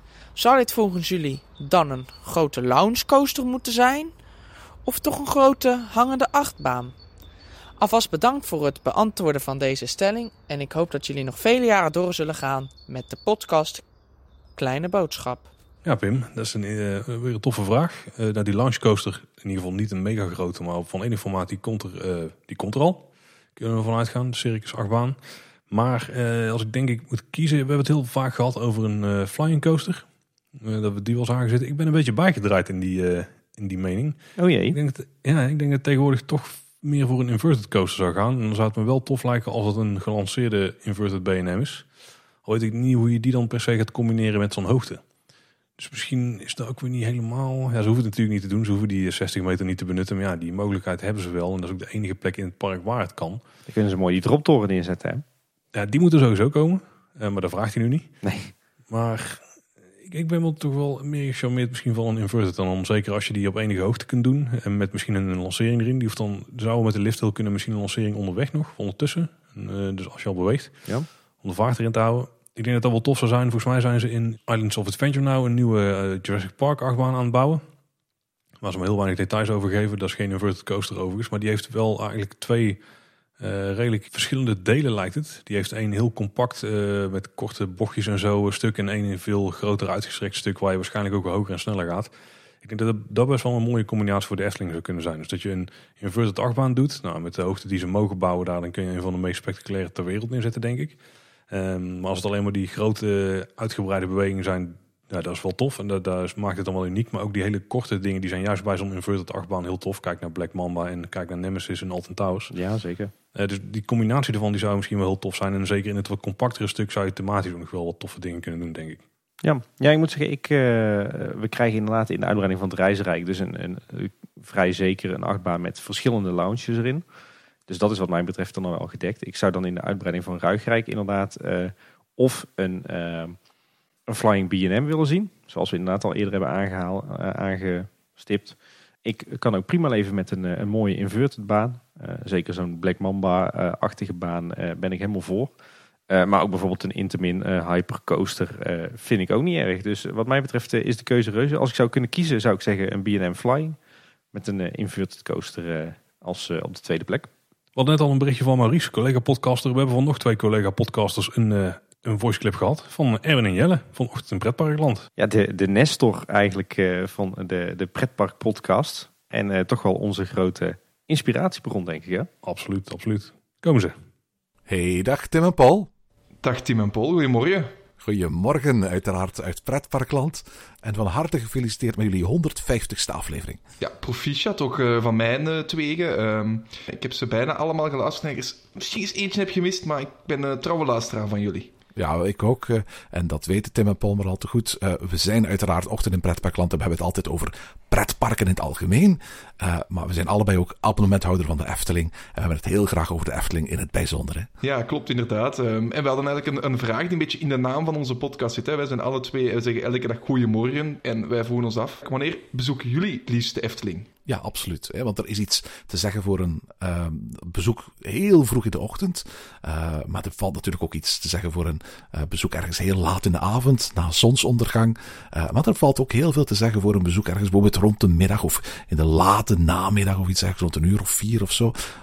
vandaar onze vraag, wat is jullie favoriete moment van de dag in de Efteling? Ik ben enorm benieuwd naar jullie antwoord en nog eens proficiat met jullie 150ste aflevering. Van harte gefeliciteerd en doe er nog maar eens minstens zoveel bij. Ja, goedemorgen meneer Jelle. Goedemorgen. Hele toffe vraag en heel tof om een berichtje van jullie te krijgen. Echt uh, super. Ja, nou, ik, ik, moet zeggen dat vroeger was ik denk ik meer een uh, middag, uh, begin van de avond Eftelingganger. Maar met kinderen is dat een beetje omgedraaid, want dan was de ochtend vooral heel erg praktisch voor ons. En ik ben er eigenlijk toch wel enigszins van gaan houden in de ochtend naar de Efteling gaan. Zeker dan een beetje in de periode zo net voordat dat de poorten binnen het park openen. Dus dat iedereen naar vol spanning staat te wachten. Dan voel je wel zo'n zo'n toffe positieve energie van... Nou, we gaan lekker met z'n allen een dagje Efteling doen. En dan word je dan toch een beetje meegenomen. Ook al kom je daar al voor de 25ste keer dat jaar. Ik denk dat ik toch stiekem wel een vroege ochtend uh, Efteling liefhebber ben. Waarbij de andere momenten absoluut zijn charme hebben. Hoor. Eh, tot laat in de avond absoluut mooi. Maar de ochtend heeft toch wel iets, uh, heeft toch wel iets ja. En lekker rustig natuurlijk in de uithoeken van het park. moet zeggen, ik heb uh, eigenlijk twee favoriete momenten. Maar ja, mijn, mijn grootste... Eentje kiezen. nou, dan ga ik toch uh, ook echt voor de ochtend. Nou ben ik ook zelf ook echt een ochtendmens. Maar waar ik echt dol op ben, zijn die, die zomerdagen. dat je weet dat het later op de dag heel warm gaat worden en zonnig. Maar dan s ochtends dan komt die, die zon zo op.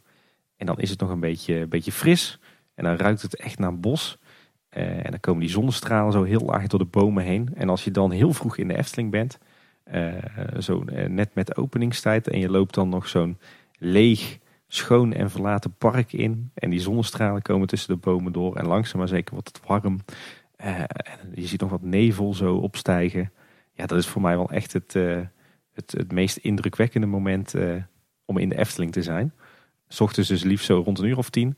Maar ik heb natuurlijk ook een, eh, een, een, tijdje in de Efteling gewerkt. Ik mag het eigenlijk niet meer zeggen van de jongens van uh, Mark en Rob, maar goed. Je hebt er weer ingefietst hè? Ja, precies, goed hè. Uh, maar, maar als ik dan bijvoorbeeld het, het Sprookjesbos of het Carouselpaleis mocht opstarten, dan was ik vaak om half acht, liep ik al in de Efteling, zo s ochtends vroeg. Ja, dat is toch wel een heel magisch moment. We kregen ook een berichtje van Matthijs. Tim die had een dilemma voor ons. Oei. Hi, Tim en Val van Kleine Boodschap. Ten eerste van harte gefeliciteerd met de 150 afleveringen van Kleine Boodschap. Ik heb een dilemma voor jullie. Stel, er is een tijdmachine die je één keer mag gebruiken. Kies je om de Efteling 20 jaar in het verleden te bezoeken of om de Efteling in 2040 te bezoeken? Bedankt voor 150 afleveringen van Luisterplezier. Op naar de volgende 150. Houdoe wacht. Oeh, hij, was, hij is toch ingewikkelder dan ik dacht. Voor mij is hij heel makkelijk. Jij wil naar het verleden, hè? Nee. Oh, niet? Jij wil naar de toekomst? Nou ja, nou, ik, eh, mijn, mijn redenatie is zo 20 jaar geleden. Dan zitten we in het jaar 2000. Ja, dat voelt voor mij gek genoeg nog echt als de dag van gisteren. Eh, als het nou 30 jaar geleden was geweest, dan, dan, dan had, ik, eh, had ik nog wel interesse gehad. Maar zo rond het jaar 2000 in de Efteling, ja, toen liep ik daar ook wekelijks rond. Dus dat vind ik niet zo heel spannend. Dus vandaar dat ik dan toch liever richting toekomst zou gaan. Ja, dat heb ik uiteindelijk ook wel. Ja. Ik moet zeggen dat als je terug zou kunnen reizen in de tijd en je mag daarbij ook alles vergeten wat je wist, dan zou het verleden misschien wel interessant zijn. Maar als je gewoon eh, weet wat je nu weet, en zeker met de interesse die we er nu voor hebben, dan is de toekomst denk ik veel interessanter. Dan is er in één keer voor 20 jaar aan nieuws te ontdekken in Efteling, Tim. Ja. Als we dan een podcast gaan opnemen, nou, dan kan die wel eh, drie, vier dagen lang duren, denk ik. Dat denk ik wel, ons kennende, ja. Ik zou overigens best terug naar eh, 1936 willen hoor, of 1951 eh, en dan de Efteling bewonderen. Ja, maar we dan wel zeker terug kunnen, want anders dan wordt er niks, denk ik. Dan moeten we nog een paar... eh, nou, of dan kunnen we wel op een andere manier misschien de geschiedenis nog beïnvloeden. Ook eh, Hans had een bericht voor ons. Dag Paul, dag Tim, Hans hier. Ook langs mijn kant proficiat met jullie 150ste aflevering van Kleine Boodschap. Ik wil graag nog eens een vraag stellen die ik volgens mij al in het verleden eens via Twitter aan jullie gesteld heb. Stel, men kan in de toekomst een nieuwe Aquanura show samenstellen, maar men gaat het verhaal van de kikkerkoning behouden. Zou men dan beter niet de vertelstem van Mies Bouwman veranderen door eentje waar het, ja, cru gezegd, het Engels net iets beter is? Oké. Eh, eh, ja, ja, dat denk ik wel, ja. Dit Ja. heeft wel zijn charme hoe het nu gaat, maar eh, uiteindelijk wil je, denk ik, voor een meer internationaal publiek wel een, eh, ja, een, een iets betere uitspraak hebben daar. Ja, en ik moet zeggen dat, ik, dat de, de stem van Mies Bouwman voor mij ook niet per se eh, eh, heel erg met de Efteling gerelateerd is. Zoals dat wel bijvoorbeeld Wieteke van Dort is. En Wieteke van Dort is echt wel een, eh, ja, hoe moet ik dat zeggen, een icoon in de geschiedenis van de Efteling. En Mies Bouwman heeft natuurlijk nooit echt eerder iets voor de Efteling gedaan. Dus wat mij betreft mogen ze die stem best prima vervangen. De volgende die komt van Alicia. Hey Tim en Paul. Allereerst natuurlijk van harte gefeliciteerd met de 150ste aflevering van Kleine Boodschap. Stel, jullie zouden elke baan in de Efteling kunnen krijgen. Welke zouden jullie dan kiezen? Oeh, elke baan in de Efteling kunnen we krijgen, Tim. Welke kiezen we? Nou, doe maar een BNM dan. Ja, oeh, dat is ook wel mooi, ja. Ik denk dat ze bedoelt eh, functies die eh, Ah. binnen het werkgebied wat Ja, ze hebben ja. in de Efteling. Ja. Nou, zeg het maar Paul. Ik iets in de creatieve hoek. Eh, ik zou graag wel willen meedenken over het masterplan. Dus waar moet ik dan zitten? Welke functie daar? Ja, goede vraag. Hm, nou, in ieder geval de functie die daar het meest mee te maken heeft en de, de meeste knopen over mag doorhakken. Ergens bij strategie of zo, of bij bestuurlijke zaken, die hoek zo. Nee, echt wel de creatieve kant. Dus hoe eh, steekt het in elkaar? eh, Wat voor attracties eh, komen er? Het aanbod zal misschien wel een beetje worden bepaald op directieniveau. Maar dat je dan mag nadenken over de uitvoering daarvan. Dat lijkt me het meest interessante aspect van, het, van zo'n masterplan. Ja, ik, ik moet zeggen, als het, als het zou gaan om, over een baan voor een, eh, een week of twee weken of zo, eh, dan zou ik wel weer graag eh, terug willen naar, eh, naar mijn oude stek op het Marenrijk. Het lijkt me heerlijk om weer even op het Sprookjesbos te werken of op eh de Carouselpaleis of eh, bij een van de draaimolens te staan.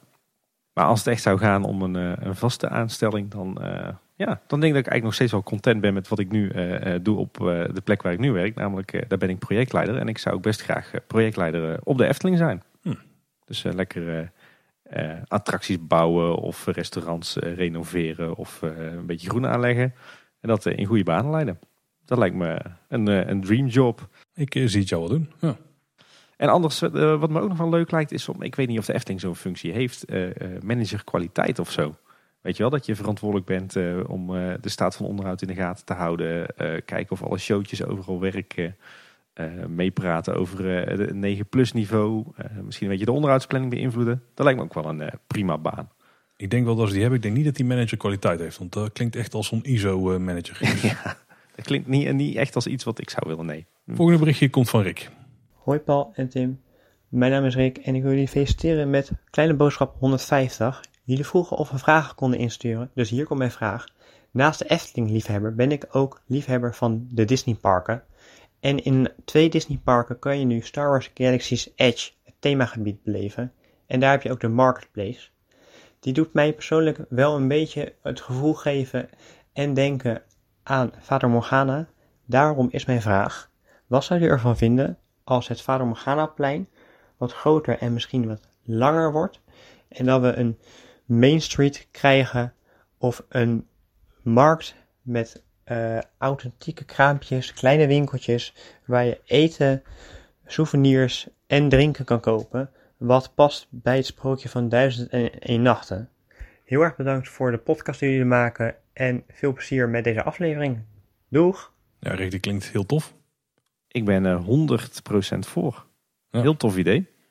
We hebben, het, we hebben toevallig ook al een beetje aangehaald in onze vorige aflevering. Hè? Ja, die had u nog niet gehoord, denk ik. Want het voice clipje was van voor die aflevering. Dus uh, daar kunnen we hem niet kwalijk nemen. Nee, precies. Nee, maar inderdaad. Heel goed idee. Zeker als hij uh, lekker breed is, dat je nog wel gewoon goed kunt doorlopen. Maar als je wil blijven hangen bij zo'n kraampje, dat dat kan. En zeker met zo'n heel tof, want daar refereert hij vooral naar, denk ik, bij uh, de marketplace van Galaxy's Edge.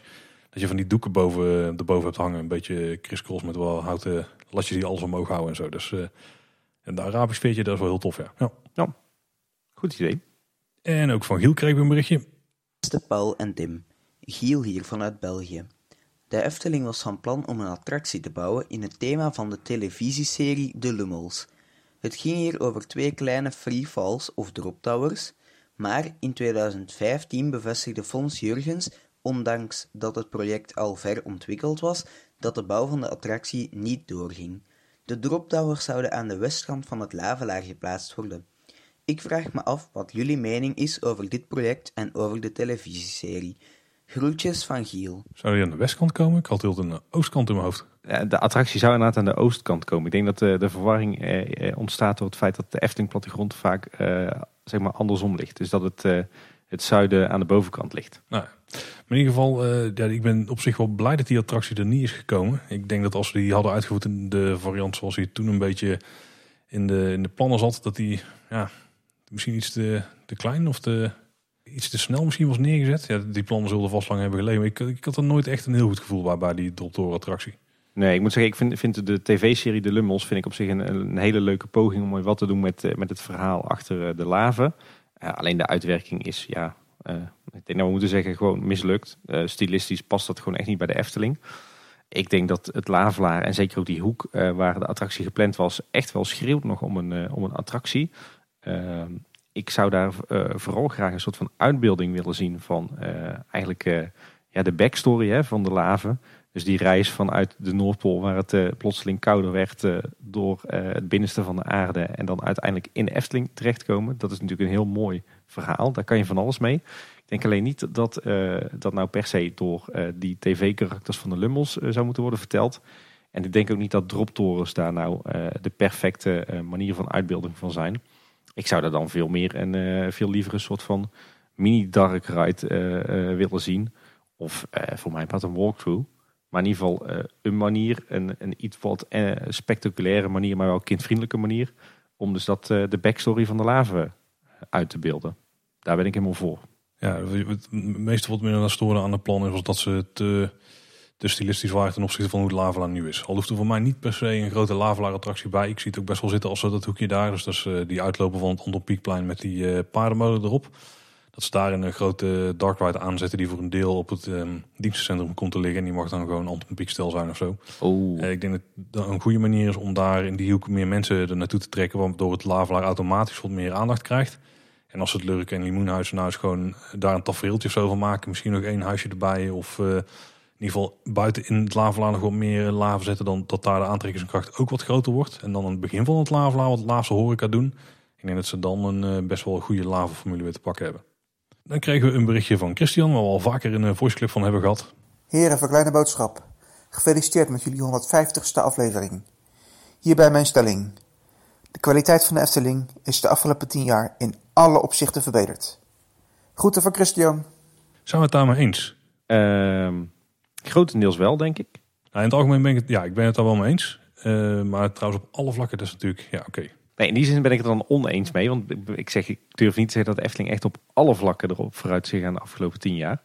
Durf wel te zeggen, hè, er wordt vaak, uh, vaak wordt Efteling-liefhebbers wel verweten dat ze vinden dat vroeger alles beter was. Nou ja, als je nu de laatste dagen foto's ziet van de Efteling rond het jaar 2000, bij Leon op zijn Twitter of uh, bij de Vijf Zintuigen, dan schrik je er toch van hoe de Efteling er toen bij stond. En dan is de Efteling toch op veel fronten wel ontzettend positief uh, veranderd de laatste 10, 20 jaar. Uh, maar ik, ik heb zelf wel twee puntjes waarvan ik zeg van nou daar twijfel ik toch over of de Efteling op die punten ook echt vooruit is gegaan de afgelopen 10 jaar. de voornaamste die ik eigenlijk heb, en dat zal ook een van jouw punten zijn denk ik, is het groen. Uh, ik had het idee dat vroeger veel, dat het veel dichter groen was, zeg maar. Dat er op veel meer plekken bomen stonden nog. Ik zag ook al foto's laatst langskomen, volgens mij bij de Vijf Sintuigen, heb het daar nog even over. Zag je dat ze daar een draaimode plaatsten en die zetten ze echt gewoon strak tussen de bomen neer, zeg maar. De, dat was echt, ik denk nog vijf centimeter met een, uh, met een grote dennenboom of een grote naaldboom was daar aan ruimte vrij. En dat deden ze vroeger gewoon. En dat was wel, wel een van de charmes die de Efteling vroeger had en die het nu wel een beetje begint te verliezen. Maar dat komt denk ik ook wel omdat het gewoon een groter park wordt. Dat ze meer plekken hebben voor mensen. Dat je meer modernere veiligheidseisen hebt. Ja. En dan zijn er wel dingen waar je een beetje op moet inboeten. Maar ik, ik denk dat er wel keuzes te maken waren geweest waarbij ze wat meer groen bespaard hadden kunnen hebben. Bijvoorbeeld bij Max en Moritz. Uh, daar lijkt er wel heel erg het geval te zijn. Zeker aan de aan de spookslotzijde daar. Uh, ik denk dat dat het grootste punt waarvan ik niet zeker weet. Maar op heel veel andere plekken doen ze het groen ook wel weer beter dan voorheen. Dus ja. Nou, ik wil net zeggen, ik vind het kwaliteitsniveau van het groen de laatste tien jaar juist uh, sterk verbeterd. Want vroeger was de Efteling toch vooral een heel kaal productiebos met weinig onderbegroeiing. en wat leuke zomerbloeiers en wat tulpenbollen. Terwijl nu is het veel natuurlijker, veel biodiverser, veel gevarieerder.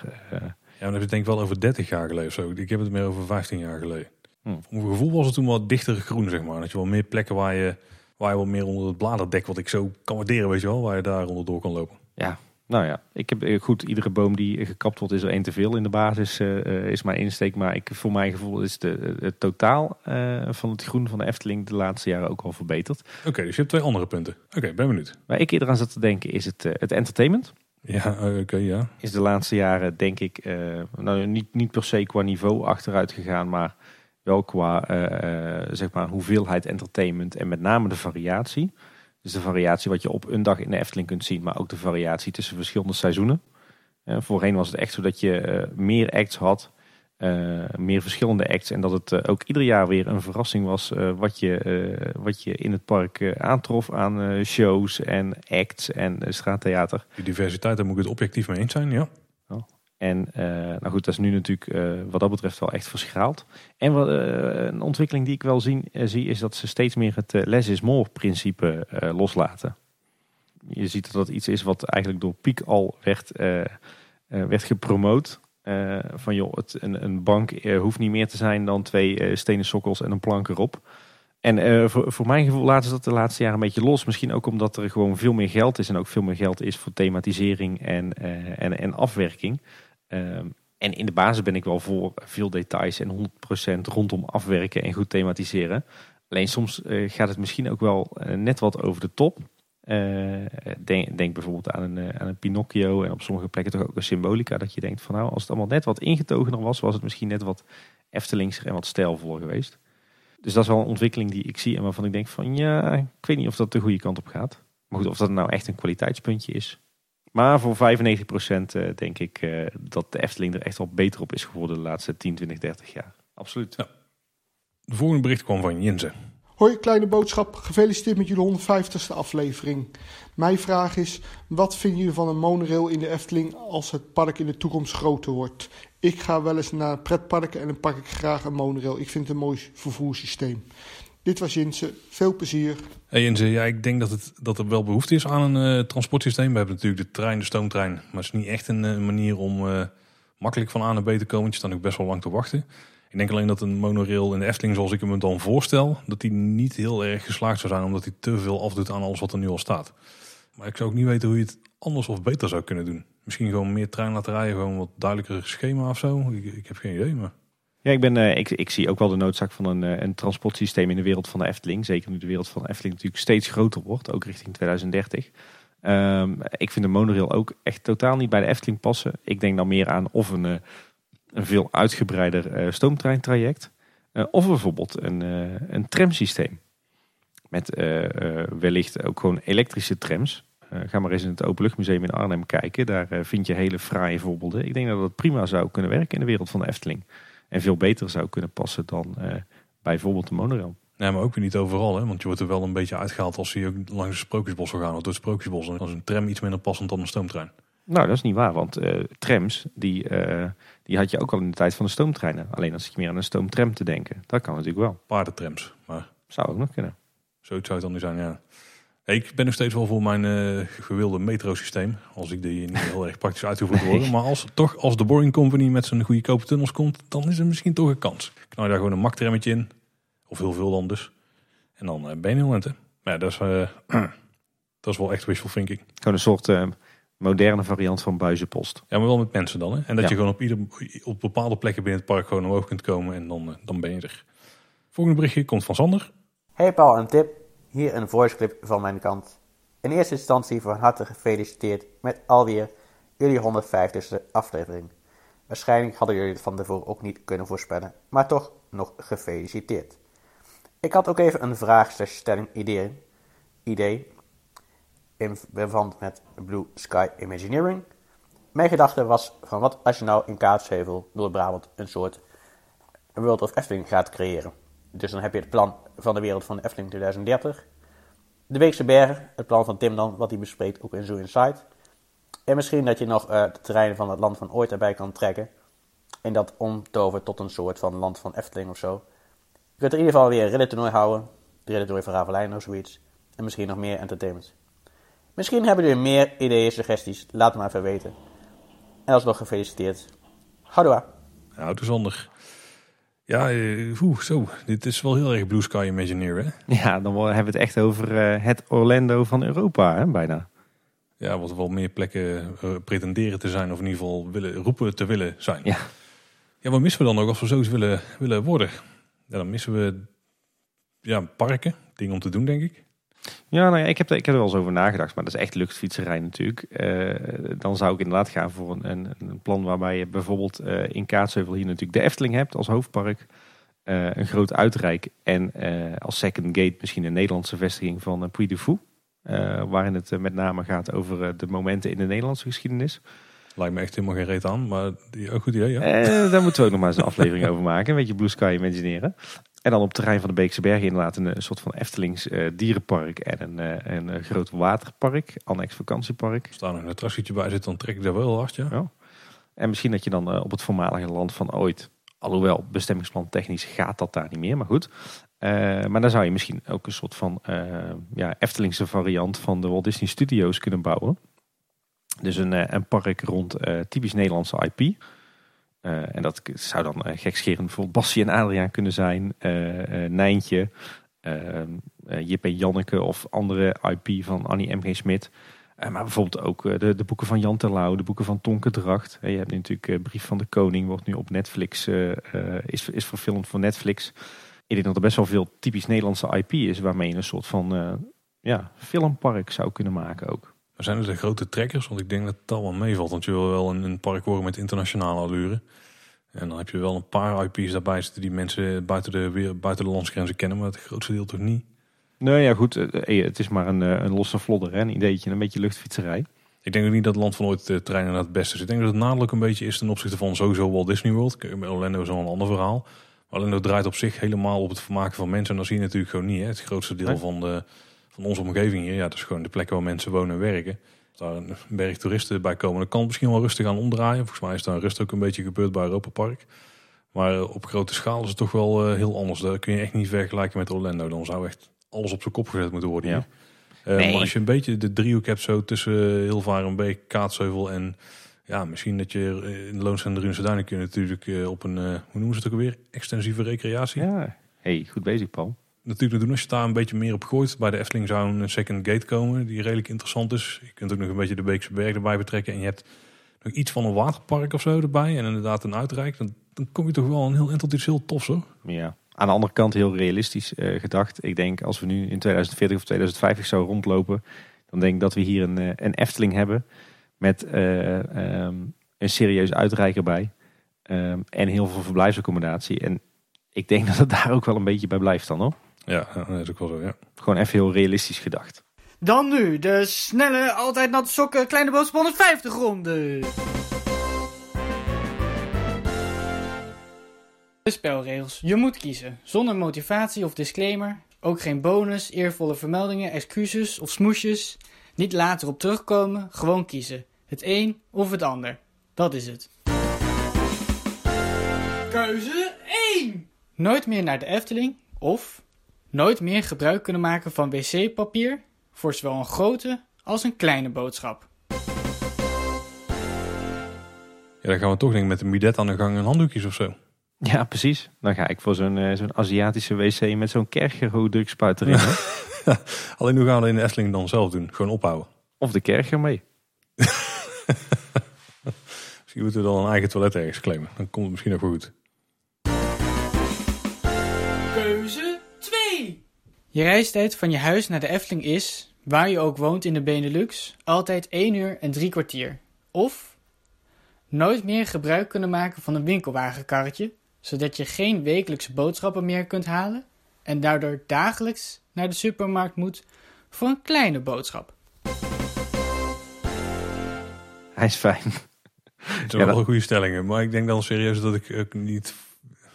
Ja, dan gaan we gewoon nooit met een boodschappenwagentje. Laat het gewoon bezorgen.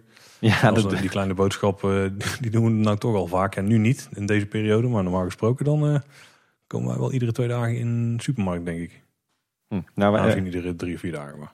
Ik zou dan eh, inderdaad eh, ook gaan voor eh, dan maar eh, iedere avond even langs eh, de Appie of de Jumbo. Eh alhoewel ik dan ook inderdaad eh, liefst gewoon de escape zou doen, dan maar online bestellen. Maar goed, dat werkt Ja. in deze tijd ook niet echt. Keuze 3. Echt kunnen meedenken en meebeslissen over toekomstige projecten in de Efteling, maar zonder enige vorm van naamsvermelding of eer. Of centraal staan in een nieuwe Efteling marketingcampagne en worden jullie daardoor de officiële Efteling boodschappers.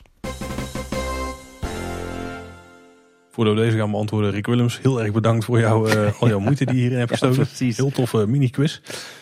Ik zou dan absoluut voor de eerste optie gaan. Dan meedenken over attracties. Dat mijn naam niet wordt vernoemd, interesseert me helemaal niks. Ik zou absoluut niet centraal hoeven staan in, in een grote marketingcampagne. eh, en de officiële Efteling podcast eh, worden. De, nee, dat is niet iets wat we ambiëren. Nee, 100% mee eens. Maar gaat het ook totaal niet om eer of aandacht of weet ik wat. eh, dan liever inderdaad gewoon inhoudelijk meedenken. Dat is toch meer onze stijl, denk ik. Rick die had trouwens nog een vraag, maar die was niet voor ons, Tim. Nee. Al 150 keer hebben jullie de boel de boel gelaten, slopen jullie richting de deur, draaiden jullie daar nog één keer om en riepen: Ik ga kleine boodschap opnemen, probeer het niet te laten maken. Deze vraag is niet voor Paul of Tim, maar voor het thuisfront, die leidzaam hebben moeten toezien hoe een keukentafel langzaam maar zeker werd overgenomen door deze succesvolle hobby. Hoe hebben jullie het ervaren en mogen we nog alsjeblieft nog even doorgaan? Antwoord bij mij thuis was eh, ja, ze mogen nog wel eh, absoluut doorgaan. Hoor. Ik heb het ook even aan een andere voorgelegd. En die zei ook, ach, als je een vent dan toch een hobby moet hebben... dan liever een podcast maken over de Efteling... dan dat hij van voetbal of een andere sport houdt.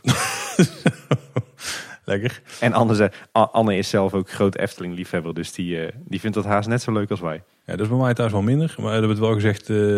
Ik, wil, ik word altijd beschuldigd als eh, de man met een hobby. Want ik heb er echt een miljoen eh, altijd gehad. Eh, nu is het wel redelijk gefocust op dit hoor. En misschien nog één of twee hele kleine dingetjes ernaast. Maar je gaat wel veruit qua hobbytijd de meeste tijd aan kwijt.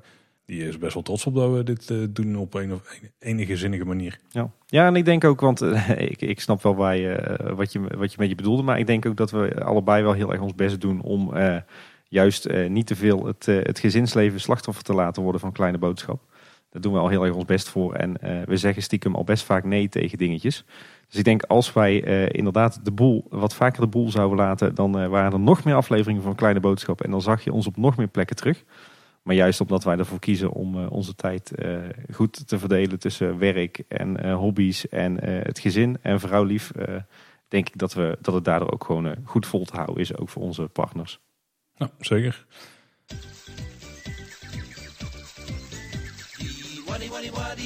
Ja, bij feestelijke gelegenheden, daar eh, hoort een vrolijk feestelijk eh, muziekje. Ja, je hoort hier eh, de titelsong van het safaripark Monde Savage in België. Enigszins een heel fout parkje, maakt niet uit. Jongens, van harte gefeliciteerd met jullie mijlpaal.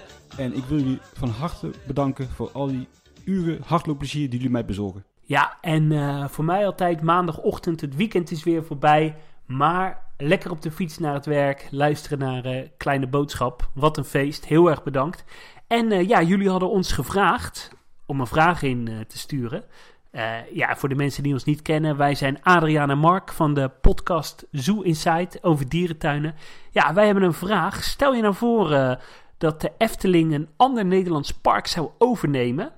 En dat park zou dan niet in Brabant of Limburg ja, mogen liggen. Welk park zou dat dan worden? En nee, Tim, ik weet, jij bent fan van, de, van het Openluchtmuseum. Dat mag niet. Dus uh, ja, welk park zou het dan uh, moeten worden en hoe zou de Efteling het dan aankleden? Dat zou eigenlijk maar één park kunnen zijn, Adrian. En dat is het Sprookjespark Enkhuizen. Ben je daar wel eens geweest? Ja, ooit in een ver verleden in mijn jeugd. Dat was toen nog best leuk. Maar goed, en mijn vraag... Hoe zou de Efteling er nu uitgezien hebben als we nooit een Disneyland Parijs hadden gehad? Ja, leuke vraag. Nogmaals jongens, super bedankt en ga zo verder. Houdoe. Doei doei. Oké Tim, dus twee vragen. Welk park zou de Efteling moeten overnemen in het noorden van het land? Noord-Brabant en uh, Limburg mogen niet. En het mag ook niet het Openluchtmuseum zijn. Ah, jammer. nou, nou zat ik daar ook niet aan te denken hoor. Ik heb wel eentje in mijn hoofd zitten. Ik ook. Wildlands. Hmm, goeie keuze. En hoe zouden ze daar dan een Efteling sausje omheen kunnen, overheen kunnen gieten? Ik denk uiteindelijk dat je toch wel een beetje in attracties uh, ziet. Ik weet dat heel veel mensen daar bij Wildlands niks in zien, vooral de buurt. Maar ik denk als je het park meer attractieve waarde wil geven dan alleen het, uh, hele mooie, de hele mooie dierentuin die het nu is. Want ik vind het zelf wel een hele mooie dierentuin. Zeker thematisch een heel, uh, heel mooi aangeklede dierentuin. Maar die attracties ja, die, die, die er nu staan, die zijn ook niet van het niveau waarbij je er op internationaal mensen naartoe trekt. En ik denk dat je dat wel nodig hebt en dat dat wel echt iets is wat de Efteling zou kunnen brengen. Ja, goed punt, had ik nog niet aan gedacht. Ik wilde eigenlijk zeggen de Beekse Bergen, maar dat mag, dat niet, mag dus niet. Nee. Ik uh, zou gaan voor het Archeon. Ja, ja. Ik ga ervan uit dat hij wel mag. Ja goed, ik heb al eerder gezegd, ik zou wel wat zien in een soort Nederlandse vestiging van Puy du Fou als second gate van de Efteling. En dan denk ik dat het Archeon best wel een prima uh, startpunt is. Daar hebben ze natuurlijk al een heel Romeins en middeleeuws gedeelte. En ik denk dat je daar mooi op uh, voort kan borduren. En hoe zou de Efteling daar een Efteling sausje overheen gooien? Nou ja, ik denk dat daar vooral een Puy Fou sausje overheen moet. Dus uh, wat extra werelden bouwen van andere tijdsperiodes. Nou goed, daar hebben we het natuurlijk al wel eens over gehad. Hè. Je zou kunnen denken aan uh, Nederlands-Indië, de VOC-tijd, uh, de watersnoodramp, de Eerste of de Tweede Wereldoorlog, ik noem maar een dwarsstraat. Dus ook die werelden bouwen en daar dan veel gaan doen met, uh, met shows, met walkthroughs, met, met horeca, die, die richting op zeg maar. En de tweede vraag, hoe zou de Efteling eruit zien als Disneyland Parijs er nooit was geweest? Dit is, dit is misschien wel een onderwerp om een hele aflevering aan te wijden. Ja. Ik, dit is echt een hele goede vraag. ik denk eigenlijk dat het Efteling misschien nog wel redelijk uit zou zien zoals nu. Misschien ja. iets minder verblijf. Misschien dat het hotel iets minder snel was gekomen. Maar de grote, de grote revolutie of evolutie van Efteling die was al ingezet voordat Disneyland Parijs kwam. Ruim daarvoor al. Ja. In de jaren tachtig al. Of begin jaren tachtig zelfs al. Dus denk eigenlijk dat het misschien niet eens heel veel anders uit had gezien. Nee, dat is ons ook wel bevestigd door verschillende betrokkenen. Hè, die in die tijd bij de Efteling werkten. Van joh, eigenlijk viel die uh, invloed van uh, Disney best wel mee. Uh, hooguit dat Droomvlucht wat sneller werd gerealiseerd. Dus misschien dat Droomvlucht in dat geval niet was gerealiseerd of later. Maar ik denk dat de invloed van Disney verder heel erg meevalt. Zeker omdat Disneyland Parijs ook nooit echt een, een enorm groot succes is geweest. En een enorm serieuze concurrent voor de Efteling. Een aantal nieuwsafleveringen geleden toen is Mark voor jou ingevallen. Tim en Mark had ook een berichtje voor ons. Hey Paul en Tim, kleine boodschappers. Van harte gefeliciteerd met de 150ste aflevering van Kleine Boodschap. Wat ontzettend leuk. Een enorme mijlpaal en waarschijnlijk anders voorgesteld uh, dan het is uitgelopen. Maar ja, het moet maar even zo. Mijn vraag aan jullie is: stel dat Kleine Boodschap, net als Man Man Man de podcast, het zover schopt dat het een theatershow wordt. Wat moet daar dan in zitten en hoe zou dat dan uitzien? Veel plezier met de opname en ik hoor het graag. Okay, Mark vraagt om een redactievergadering live in de aflevering. Ja, inderdaad. Wel, grappig zeg. Een spannende vraag. Ik weet niet of het interessant genoeg is als wij er met z'n tweeën zitten. Ik denk dat we gewoon een deeltje moeten sluiten met de Efteling. Dat we iedere, iedere show een Eftelingse gast zouden kunnen laten aanschuiven. Ja.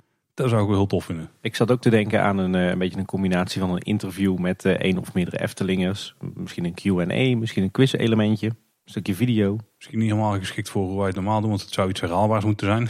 maar ja. ja. Ik weet dat ze daar stellingen uit het publiek volgens mij een beetje de, de lijn laten bepalen. Zou bij ons ook best wel kunnen werken.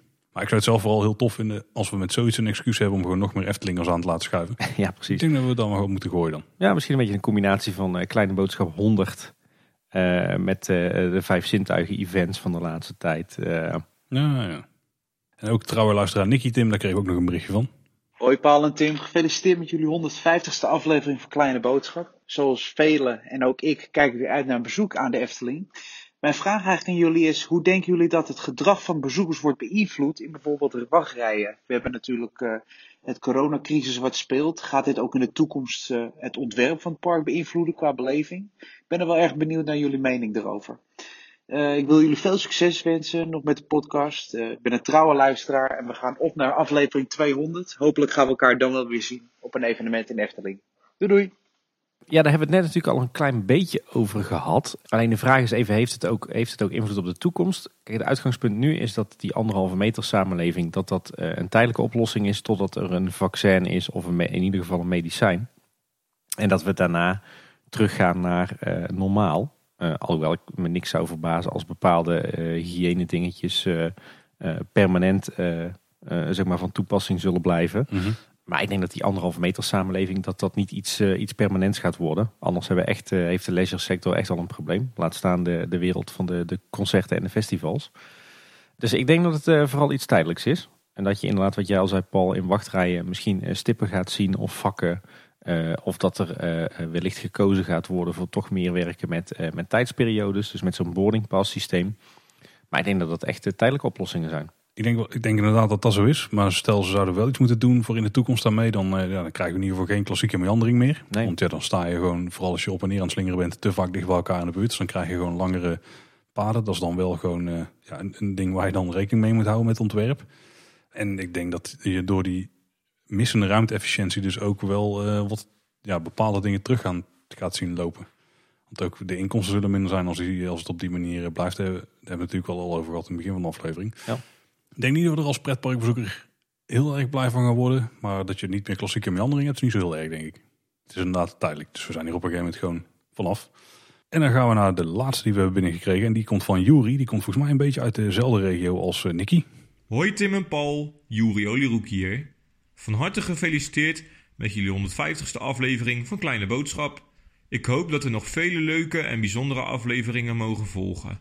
Mijn vraag aan jullie is: welke aflevering is jullie tot nu toe het meest bijgebleven en met welke persoon of personen zouden jullie nog heel graag een aflevering op willen nemen? Ik ben benieuwd. Voor nu nog een fijne aflevering en we zien elkaar vast wel een keer in de Efteling. Houdoe! Houdoe. Dat was nu het einde van de aflevering. Ik heb wel wat voorkeuren voor mensen. Natuurlijk ons maar eens even terug naar uh, de meest interessante die we hebben gesproken. Of deze waar we warme herinneringen aan hebben. Ja, ik denk dat ons interview met Erik van der Brand, dat we daar beide wel heel tof vonden. Zeker ja, absoluut. Een heel, heel tof inkijkje en heel veel dingen geleerd daar die ik absoluut nog niet wist van de Efteling. Dus dat was wel een hoogtepuntje. En ik vind eigenlijk gewoon alle keren dat we René Mergelbach spreken, vind ik echt goud. Dat is gewoon niet, niet alleen dat het interessant is, maar dat is gewoon een hele, heel fijn mens om rondomheen te zijn, zeg maar. Ja, ik moet zeggen dat ik het, de, de wandeling op de vroege ochtend door de Efteling met Mario Dieltjes ook wel heel tof vond. Ja, het korte gesprekje met Sander uh, was ook heel tof. Sander de Bruin. Ja. En Jeroen Verheij was ook heel tof om die een keer te spreken in de podcast. Dit is eigenlijk, eigenlijk hebben al die, die, die interviews wel een eigen charme. Kees Kister vond ik ook heel interessant. Ja, daar zijn we ook heel warm onthaald. Uh, maar het was ook bijvoorbeeld heel leuk om met, uh, met Wieke te kletsen. Ja, eigenlijk is het altijd leuk. Ja, het is wel zo dat als je er wat meer getrainde mensen hebt, de fondsen en de koenen zeg maar, dat het dan altijd wel, ja dan voelt het wel minder los. Hè? Als je die interviews ook naderhand hoort die andere mensen hadden met, de, hadden met dezelfde personen, dan merk je wel dat ze altijd wel op dezelfde punten uitkomen. Ja. En dat ze er altijd wel in proberen te fietsen. Ik denk als we daar een keer een sessie mee hebben, ook gewoon zoals wij het wel vaker doen, van op zijn minst een uurtje en dan flink kletsen. Ik denk dat het dan, dat het dan nog wel veel meer interessant uit zou komen. Ja. Dat die dan ook hoog op het lijstje zou komen staan. Die staan overigens ook wel hoog op het lijstje. Maar als we dan de echte wensen zouden mogen uitspreken, Tim. Ja, uh, we, we, we, hebben zulke soort wensenlijsten gewoon hier liggen. Ik heb hem gewoon op de laptop uh, staan als moet. ja, goed. Uh, tuurlijk wil je, me, wil je met een directielid praten en met een ontwerper. Um, tuurlijk wil je nog met, met, met, met oud-medewerkers praten. Laat ik het zo zeggen, er staan heel wat ontwerpers en ook oud-creatievelingen op ons lijstje. Maar ook bijvoorbeeld een, een Frans Gounet. Iemand die, die heel graag en heel goed over de Efteling kan praten. En ik wil ook alweer een keer uh, aanschuiven bij uh, Wieke Smit als we die hele bestemmingsplanprocedure achter de rug hebben en dan een beetje napraten. Um, maar, maar, hoe tof zou het ook zijn om bijvoorbeeld eens met een Michel den Dulk te praten? Ik roep maar aan de Wachtstraat. Ja, zeker ja. En ook misschien mensen die niet direct bij de Efteling hebben gewerkt, maar er wel, eh, wel wat voor hebben betekend. Er zijn ook nog wel wat interessante mensen rondom te vinden, denk ik. Ja, inderdaad, die, die, gouden, die gouden ouwe. Er komen toch altijd interessante dingen uit. Hè? Dat is ook echt een stukje inkijk in de historie. En niet alleen over waar het nu over gaat, de thema's, maar vooral de dingen die zijn gebeurd. Ik denk dat die ehm, misschien nog wel het interessantste zijn tot nu toe. Ja. Ja. Nou, wees gerust, we hebben echt nog een enorme lijst met, eh, met ideeën eh, en wensen eh, voor nieuwe afleveringen, waaronder ook een heleboel interviews. Alleen wat we al eerder zeiden, tijd is vaak een beperkende factor. En op dit moment is vooral natuurlijk corona een beperkende factor. Dus dat valt een beetje tegen. Maar we hebben, we hebben volop, eh, volop leuke plannen wat dat betreft. Ja, dat waren de voice clips, Tim. Ja. Dat was flinke bergen. Ontzettend bedankt, luisteraars, voor al jullie toffe voice clips. Ja, zeker. Ja, we hebben er echt van genoten. En je mag ze natuurlijk iedere week insturen. Maar het was wel tof om er nu eh, een hele hoop te bundelen in één keer. Zeker. Naast alle voice clips hadden we ook nog een mailtje gehad met de stelling erin. Ja, hij kwam van, eh van Eftelboy. En de reden dat we hem nu even meenemen is dat eh Eftelboy eh, schrijft dat, eh, dat hij geen microfoon heeft. En de microfoon van zijn telefoon ook kapot is. Dus vandaar dat we bij hoge uitzondering toch een mailtje hebben toegelaten. Hij was te mooi om te laten liggen. Eftelboy die schrijft... Hoi, hierbij een stelling opdracht voor Kleine Boodschap 150. Het getal 7 is het sprookjesgetal, maar de zeven dingen hieronder hebben het helaas niet tot de sprookjeseinde gehaald. De opdracht? Zet de volgende zeven dingen op volgorde. En wat volgens jullie de slechtste verandering is naar wat de beste verandering is. Begin dus bij de slechtste verandering. Veel succes en nog veel plezier met Kleine Boodschap 150. En dan hebben we zeven eh, opties gekregen. De dansende dolfijn omgebouwd naar de kleine zeemermin. De Chinese nachtegaal naar draak licht geraakt. Het waterorgel naar de tv-studio. Pegasus naar Joris en de draak. De parkmuziek van Hartveld naar de parkmuziek van Merkelbach. De Bob naar Max en Moritz. Van Pandadroom naar Fabula. Ja, zeven veranderingen. Dit is een pittige. Ik ben, ik ben blij dat we deze als mail hebben gehad als niet, en niet als voice, voice clip. Want de voice clips hebben we niet kunnen voorbereiden. Deze, hier hebben we wel even voor kunnen gaan zitten. Eh, ja, dat heb jij wel gedaan. Hè? Ik moet hem enigszins uit de losse pols doen. Ah, wil jij beginnen? Uit de losse pols dus. Of zal, of zal ik hem dan? Eh, weet je wat, ik, ik heb hem voorbereid, zal ik hem dan doen? Ik zal beginnen met de slechtste verandering. Eh, wat mij betreft, eh, ja, dan kies ik toch voor de klassieker. Het waterorgel naar tv-studio. Daarna kies ik voor Pegasus naar Joris en de Draak. Niet dat ik Joris en Draak nou een slechte achtbaan vind, integendeel. Maar ik vond de Pegasus er qua, qua uiterlijk aan de buitenzijde veel mooier eh, uitzien. eh, en ook veel mooier in het groen liggen dan nu Joris en de Draak. Eh, daarna de Bob naar Max en Moritz. Omdat de Bobbaan toch een, een heel uniek en bijzonder baantype was. En een powercoaster dat natuurlijk niet is. En dan kom ik een beetje in de neutrale zone. De Chinese nachtegaal naar draak licht geraakt. Ja, goed. Heb ik verder weinig gevoelens bij. Eh, verder prima. Daarna, en dan gaan we richting goede veranderingen, kom ik uit naar eh, Parkmuziek Hartveld, naar Parkmuziek Merkelbach. Dat ik de parkmuziek van Hartveld nooit heel goed heb gevonden en die van Merkelbach juist wel. Dus dat zie ik als een hele goede verandering. Daarna de dansende dolfijn naar de kleine zeemermin. Ja goed, de dansende dolfijn was een sprookje wat, eh, wat niet werkte. Dus ja, prima dat dat is vervangen door iets nieuws. En als laatste de beste verandering toch van Pandadroom naar Fabula. Omdat dat ik denk dat eh, ja, Pandadroom was denk ik bij velen, inclusief mij, echt een doorn in het oog. Totaal niet Eftelings met dat wijzende vingertje. En dat realisme in plaats van escapisme. En met Fabula hebben we nu in ieder geval een, eh, een vermakelijke attractie. Zonder wijzend vingertje. En eh, dat is een hele opluchting. Ik ben er inmiddels ook uit. Eh, de slechtste verandering, eh, die, eh, daar ben ik het met je eens. Dat is inderdaad de waterorgel naar de tv-studio. Geen enkele attractieve waarde meer eh, op die plek. Ja, dan is het, het waterorgel gewoon een veel betere, veel betere optie om daar te hebben. En eigenlijk zitten we dan nu al bij mij in een neutrale zone. En daar vallen wat mij betreft zowel de dansende dolfijn naar de kleine zeemermin als de Chinese nachtegaal naar draak licht geraakt in. Eh, waarbij de dansende dolfijn naar de kleine zeemermin denk ik als eerste komt. En dan de Chinese nachtegaal naar draak licht geraakt. Ik denk dat die laatste wel, eh, dat de draak licht geraakt wel wat meer attractieve waarde heeft dan de Chinese nachtegaal. Dan komen we bij de parkmuziek van Hartveld eh, naar de parkmuziek van Merkelbach. Ik vond die van Hartveld namelijk wel tof. eh, maar ik vind die van René vind ik ook heel tof. Dus dat is redelijk neutraal. Maar in het algemeen denk ik dat ik iets blijer ben met wat er nu draait dan wat het draaide. Maar nog steeds die van Hartveld vond ik echt heel tof. Want had zijn eigen charme, zeg maar. Dan de Bob naar Max en Moritz. En daar is vooral dat de reden van de wijziging dat die gewoon goed is. Dan kijk je dus niet naar de attractietypes, maar de Bob was gewoon op niet meer te vervangen. Dan is Max en Moritz is op zich best wel een aardige keuze om daar neer te zetten. Uitwerking nog even afwachtende. Eh, dan, ja, daar wijk ik heel erg af van. Ja, Tim, dan Panadroom naar Fabula. Dus om exact dezelfde reden die jij opperde. En Mhm. dan eh, de beste verandering vond ik, vind ik persoonlijk van Pegasus naar Joris en de Draak. Oké. Eh, Pegasus was in het begin echt wel een, een geinig baantje.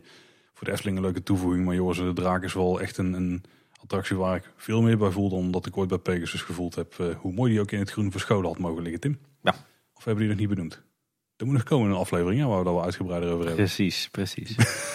Oké, niet te veel spoilen. Ik denk, daar kan ik niet naar verwijzen. Toch stiekem gedaan.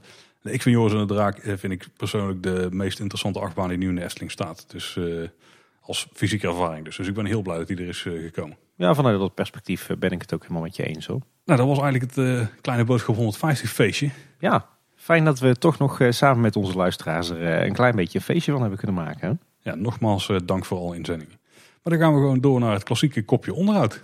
Ja, inderdaad. En eh, tot mijn verbazing hebben we toch nog best wel weer puntjes bij elkaar te sprokkelen. Ja, vooral met dank aan eh, de tours die de medewerkers uit het park kregen. Ja, inderdaad, Wat ja. telelensfoto's. En diverse tips ook. Ehm, nou, wat ik qua onderhoud sowieso heel leuk vond om te zien, is dat die enquête van de Raad der Wijzen, waarin werd gevraagd om, joh, wat vinden jullie nou wat er aan onderhoud moet gebeuren nou we toch dicht zijn? Daar hebben we het de vorige keer al over gehad. Maar wat ik heel tof vond, is dat er echt enorm veel aandacht voor is geweest op social media onder de liefhebbers. En dat er ook heel wat mensen zijn geweest die echt enorme boekwerken eh, met, eh, met punten van aandacht hebben aangeleverd eh, aan de Raad der Wijzen. Dus ik ben heel benieuwd hoe dat moet zijn voor degene die al die resultaten moet verwerken tot een allesomvattende lijst. Lijkt me een hele leuke klus. En ik ben vooral ook benieuwd of we daar nog iets van terug gaan horen. Ik zou die resultaten wel willen zien. Maar tof dat er ook liefhebbers zijn die nog meer eh, moeite en tijd hebben gestoken in het eh, beantwoorden van die onderhoudsvragen dan, eh, dan ik. Er waren op zijn minst drie bakjes koffie. Ja, precies. Ehm, verder kregen we nog een berichtje van Melle. Die schrijft dat te zien is op dronefoto's dat diverse bomen nabij de wensbron zijn gekapt. Eh, vorige keer melden we al dat op, eh, op dronebeelden te zien is dat daar het gras helemaal opnieuw is ingezaaid. Maar er zijn inderdaad ook een aantal oude bomen verdwenen daar. Dat zijn eh, van die hele mooie acacia's. En dat zijn dezelfde bomen als die een tijdje terug ook gekapt zijn eh, langs de spoorlijn aan de speelweide. En verder dacht Melle ook nog gezien te hebben dat er ook een grote eik gekapt zou zijn op het binnenpleintje van het Fata Morgana evenementencomplex. Het zal weer te maken hebben met veiligheid, maar die gekapte bomen bij de Wensbron is wel jammer. Dat was op warme echt een heel prima plekje om even in het gras te liggen of, in die, eh, of op die bankjes te gaan zitten die rondom de Wensbron stonden. Ja, er waren echt schitterende bomen van die stokoude acacia's met die hele mooie, mooie bast hebben die. Maar goed, Efteling kende, als we zien wat ze de laatste eh, maanden hebben gedaan, worden hier ook weer eh, nieuwe bomen voor teruggeplant. Dus dat komt wel goed. Verder wees Arendo er nog op dat er ook aan het groen wordt gewerkt daar vlakbij. Dus niet zeg maar op het, eh, het, het grote eiland in de Gondoletta, maar eh, zeg maar het stukje plantsoen tussen de achterkant van Symbolica en de Gondoletta-vijver. Eh, dat, dat was altijd, of dat, was de laatste jaren echt zo'n kaal stukje waar het gras niet wilde groeien en de plantjes niet aansloegen. En er wordt nu volop eh, gegraven en dan zijn ze ook bezig met tilaarde. Dus er zal binnenkort ook wel nieuwe beplanting en gras verschijnen. Eh, een hele goede verbetering ook weer. En we krijgen nog, kregen nog wat tips van eh, insiders. Zo blijkt eh, de mysterieuze vis in de Gondoletta-vijver weer gerepareerd te zijn.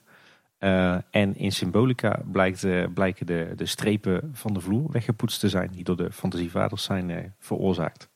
Nou, de laatste klinkt als een van die kleine klusjes die nu de medewerkers zelf kunnen doen. Dus dat is wel slim dat ze daar dan, dat ze daar dan extra tijd voor nemen. Ja. Nou ja, niet voor nemen, die hebben ze gewoon natuurlijk. Ja, precies. En er waren er ook nog een heel aantal onderhoudspuntjes die eh, wij of onze luisteraars uit eh, de dronevideo eh, of de beelden van de autosafari van medewerkers hebben herleid. En zo is er inderdaad te zien dat er nog niks is gebeurd aan het huisje van mevrouw Holle. Bij Casa Caracol zijn het terras en de overkapping echt volledig vernieuwd. De werkzaamheden zijn bijna klaar. Alleen moet er nog wat timmerwerk worden uitgevoerd aan de overkapping. En ik moet zeggen dat het er allemaal erg netjes uitziet. Verder is te zien dat eh, zeg maar de zijgevel van het carouselpaleis aan de dioramakant dat die helemaal wit is gesausd. Dus waarschijnlijk eh, beginnen ze daar binnenkort eindelijk ook aan het eh, inschaduwwerk. Dan is die gevel ook helemaal klaar. En er wordt ook nog steeds druk gewerkt bij Baron 1898. Eh, de entreepartij is daar aangepast. Daar zijn de, zeg maar de, de, de reguliere standby line en de single riders line zijn verder uit elkaar gelegd en voorzien van duidelijkere borden. En verder wordt er ook nog gewerkt aan het eh, schilderwerk van eh, de buitengevels. Daar wordt wat eh, bij gevlekt. En de plantsoentjes rond het stationsgebouw die zijn wat opgeknapt. Er zijn wat nieuwe keien neergelegd en er is wat nieuwe beplanting gezet. Want die had het ook allemaal niet overleefd vorige zomer. En verder dacht ook nog iemand gezien te hebben dat de fontein voor de ingang van Symbolica, die recent is omgebouwd naar plantenbak, dat die weer terug zou zijn omgebouwd naar fontein. Dat moeten we nog even checken in de praktijk. En er is ook een eh, nieuwe tijdelijke wachtrij gespot voor de Vliegende Hollander. Met van die fraaie groene paaltjes met gouden bolletjes en eh, touwen ertussen. Wel bijzonder dat die was opgesteld tijdens die autorit. Waar zou daar het nut van zijn? Gewoon testen dat het werkt of zo? Nou, ik denk, ik kan me voorstellen dat eh, als die nieuw is, dat ze zeggen van nou, we zetten hem even uit. we hangen de touwen ertussen, kijken of het allemaal past, of het allemaal netjes in het gelid staat, of de touwen allemaal lang genoeg zijn, iets in die geest. Dat was toevallig toen. Ja. Oké. En dan al kort nieuws. Ja. Er is wat eh, merchandise nieuws. De Efteling gaat in september een nieuw kookboek uitbrengen. Het Efteling Familie Kookboek. Dat zou gerechten uit de wereld van Efteling bevatten die gemakkelijk door kinderen te bereiden zijn met eh, wat hulp van de volwassenen. Zou eigenlijk wel eh, goed zijn om die nieuw uit te brengen. Zou ze niet alvast een e-book kunnen uitbrengen? Ja, inderdaad. Ik, vind het wel heel tof nieuws. Altijd leuk als er weer een, nieuw boek uitkomt. En een kookboek is natuurlijk ook altijd leuk. Ik geloof dat er dingen in staan als Turkse pizza, poffertjes, noedels en fruitsmoothies. Niet echt typische Efteling signature snacks. Eh, aan de andere kant, het, het zijn natuurlijk wel typische gerechten die je op een dagje Efteling kan eten. Dus ik snap hem wel. En ook heel tof, de Week van de Nostalgie bij de Vijf Zintuigen. Die was afgelopen week. Tot nu toe, dus op het moment van opnemen, hebben we vier dagen gehad. Dus we hebben al wat dingen kunnen zien. Er zaten, ja, er zaten echt wel toffe dingen tussen. Ik denk dat een paar hoogtepuntjes voor mij wel eh, een onderhoudsvideo was. Uit de jaren 80 volgens mij, 75, 80 of zo. Die was heel leuk, ja. Die was heel tof. Denk dat voor mij, ja, ik denk dat dat wel echt de, de topper was voor mij die er tot nu toe bij zat. Heel tof kijkje achter de scherm. Ook vooral bij de Indische. Hoe die constructie erachter een beetje loopt met gewoon nog wat houten balken waar wat eh, ja. bijna doeken overheen gedrapeerd zijn. Waar wat eh, spuitbeton op zit. Dat zal toen gewoon er tegenaan gegooid zijn denk ik. Ja, echt heel vet. Ja. Ja. Ja, ik heb er ook echt van genoten. Eh, waar ik heel blij van werd, naast natuurlijk de foto's uit begin jaren 2000, eh zijn bijvoorbeeld de oude aanzichtkaarten die we te zien kregen. Er zitten er ook een aantal tussen van voor 1952, waar je echt eh, de oude speeltuin ziet uit de jaren 30. En zelfs volgens mij een aanzichtkaart met een foto van de wielerbaan van de Efteling. Oh ja, dat klopt wel ook heel tof ja. Ja.